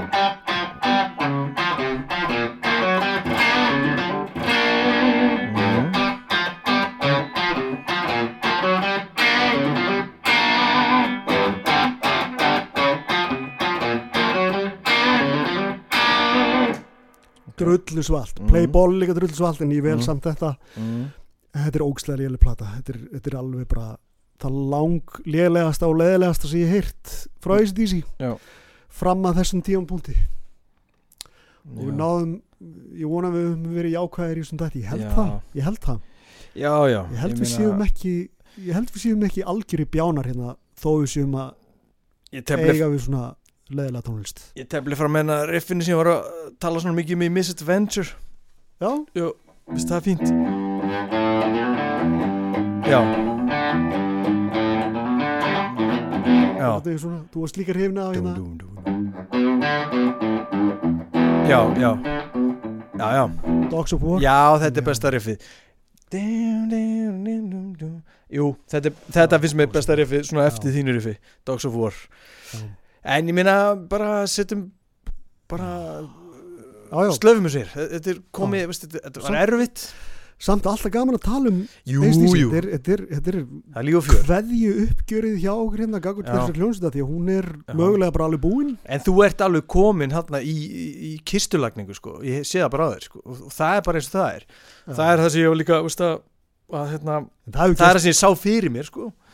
en það hefur alveg gerst miklu fyrr hjá öðrum hljónstum því mér maður er búin að tala svo mikið maður getur ekki reyðja upp en, en söma hljónstum bara herðu, þetta kveikir ekki í mig lengur og þið eru ekkert að fara að gera þetta og eitt rosa gott dæmi svona bara hérna 1, 3 og 3 er bara anthrax til Mhm. dæmis mm -hmm. maður bara svona já nei nei eins og maður fílaði þetta geðvikt á yngri árum þá bara nei Nú fullt, fullt af fólki á Akureyri ósamalæðir en já, jú, ég skil, ég skil alveg hvað það segja og hérna uh, sannlega er, erum við komin hérna í kistulagningu og þetta. Mér, það er rosa gaman að tala um þetta. Ég, eins og ég sagði hann, rosa gott að hitta það aftur og tala um þetta og ég vona að hlustuður um, ha- hafi skemmt sér og, og lært eitthvað nýtt eða veist, Mm. fundi sig í því sem við erum að tala og, ég, og, og, vera sammælst ekkur og vera rosa ósamála og, og það er líka svo gaman, maður að hlusta okkar maður er ósamála og, og veist, koma upp eitthvað svona tilfinningar og maður langar að tjá sig og tala við viðkomandi og það er það sem við erum að reyna að gera þarna en þetta er svona e, sko, þetta er næstu á pari við Razor's Edge í að vera svona erfitt svona erfið uppljómun. Það sem ég á svona, guðmur góður, er þetta ég held ég verið miklu meiri Razor's Edge maður og hvernig get ég komið þessu áleiðist til fólks á þess að hljóma eins og neikvæði Nikolás skilur og einhver gauðir sem er bara að kveikja okkur um hljónum hana til þess að vera ógstlega töff og, og töff leiðilur svona Mm. neikvæður Mm. grinding my gears, töff eitthvað, "Ah, þið er rándur ykkur ah." Þú veist, sem er alls ekki leikurinn er alls ekki til, til þess gerður en hér eru við Já. ein pl plata eftir sjáum hvernig það fer ég ætla að reyna að verða ykkur power up sérfræðingur ég er búin að lofa sjálfum með því að bara liggja yfir henni sko. Já, það er líka á nægu að taka þar af því það er rosalegt fjölmiðla fár í kringum þá plötu í raunni sko. á tímum þar sem að plata er bara Er neitt. eins og já platan er Ljó- nánast og það er eitthvað svona hildar kynningar dæmi sem er, hefur ekki verið að rosalegt og, Black Eyes sko. Og, Mhm. og er svona bara allt svona fagfræðin og allt, við förum betri í það í, í, í næsta þætti sem verður okkar síðasti allavega í því að fjallum blöður já, mér langar að, mér langar að skjóta, skjóta einni spurningu að þér. Fyrst þú, nefnd, þú nefndir Razor's Edge svona í við tökum þetta alveg hérna í blálógin Erfitt, já. já, erfitt Veikt. og svoleiðis, þó að margir rosa hápóndar Razor's Edge stiltu þessum blötum núna snöggvast hlið hlið og gefðu þeim stjörnugjöf frá 0 upp í 10 náttúrulega. Í sko samanburði við hvora aðra. Það eru bara þessar tvær blötur já, ba- í samanbyrði við hvora aðra en ekki kanonu ACDC bara þessar tvær. Þetta eru tvær erfiðustu plötunar sem við höfum farið í. Það er enginn sem kemst nálægt í sko. Mér finnst þetta er mjög smáralegt að setja upp svona. Ég myndi segja, það, í samanbyrði við hvora aðra þá myndi ég segja að Razor's Edge sem svona 6.5 uh, ef við erum miklu stuði 7 í sama ekki gagvart öðrum ACDC blöðum en gagvart þessari. Þá myndi ég segja að þessi sé svona tveir og hálfur. Já. þú veist ef við myndi vera svona ég að rosa jákvæður þrýr gagvart Razor's Edge tveir og hálfur gagvart Razor's Edge. Góðan degi þrýr Mér fallast bara hendur fattar mig. Og veist, því maður er bara við erum búin að hlusta svo mikið að þá er maður bara sleppum þessar blötu veist, þannig líður mér. Það er ekki mikil og góð með, meðmæli. Jæks Hættum þessu. segjum þetta bara gott. Þúsund takkir ef þið eru ennþá annað kæri hlustundur þetta er vera rosalegt. Þið eru yndislega takk. Smári Tarfur og Birki Fjalar alltaf saman platan. Þökkum fyrir okkur komum svo með Rocker Bust nei ásækit, Power Up. Já. næst. Sæla sinni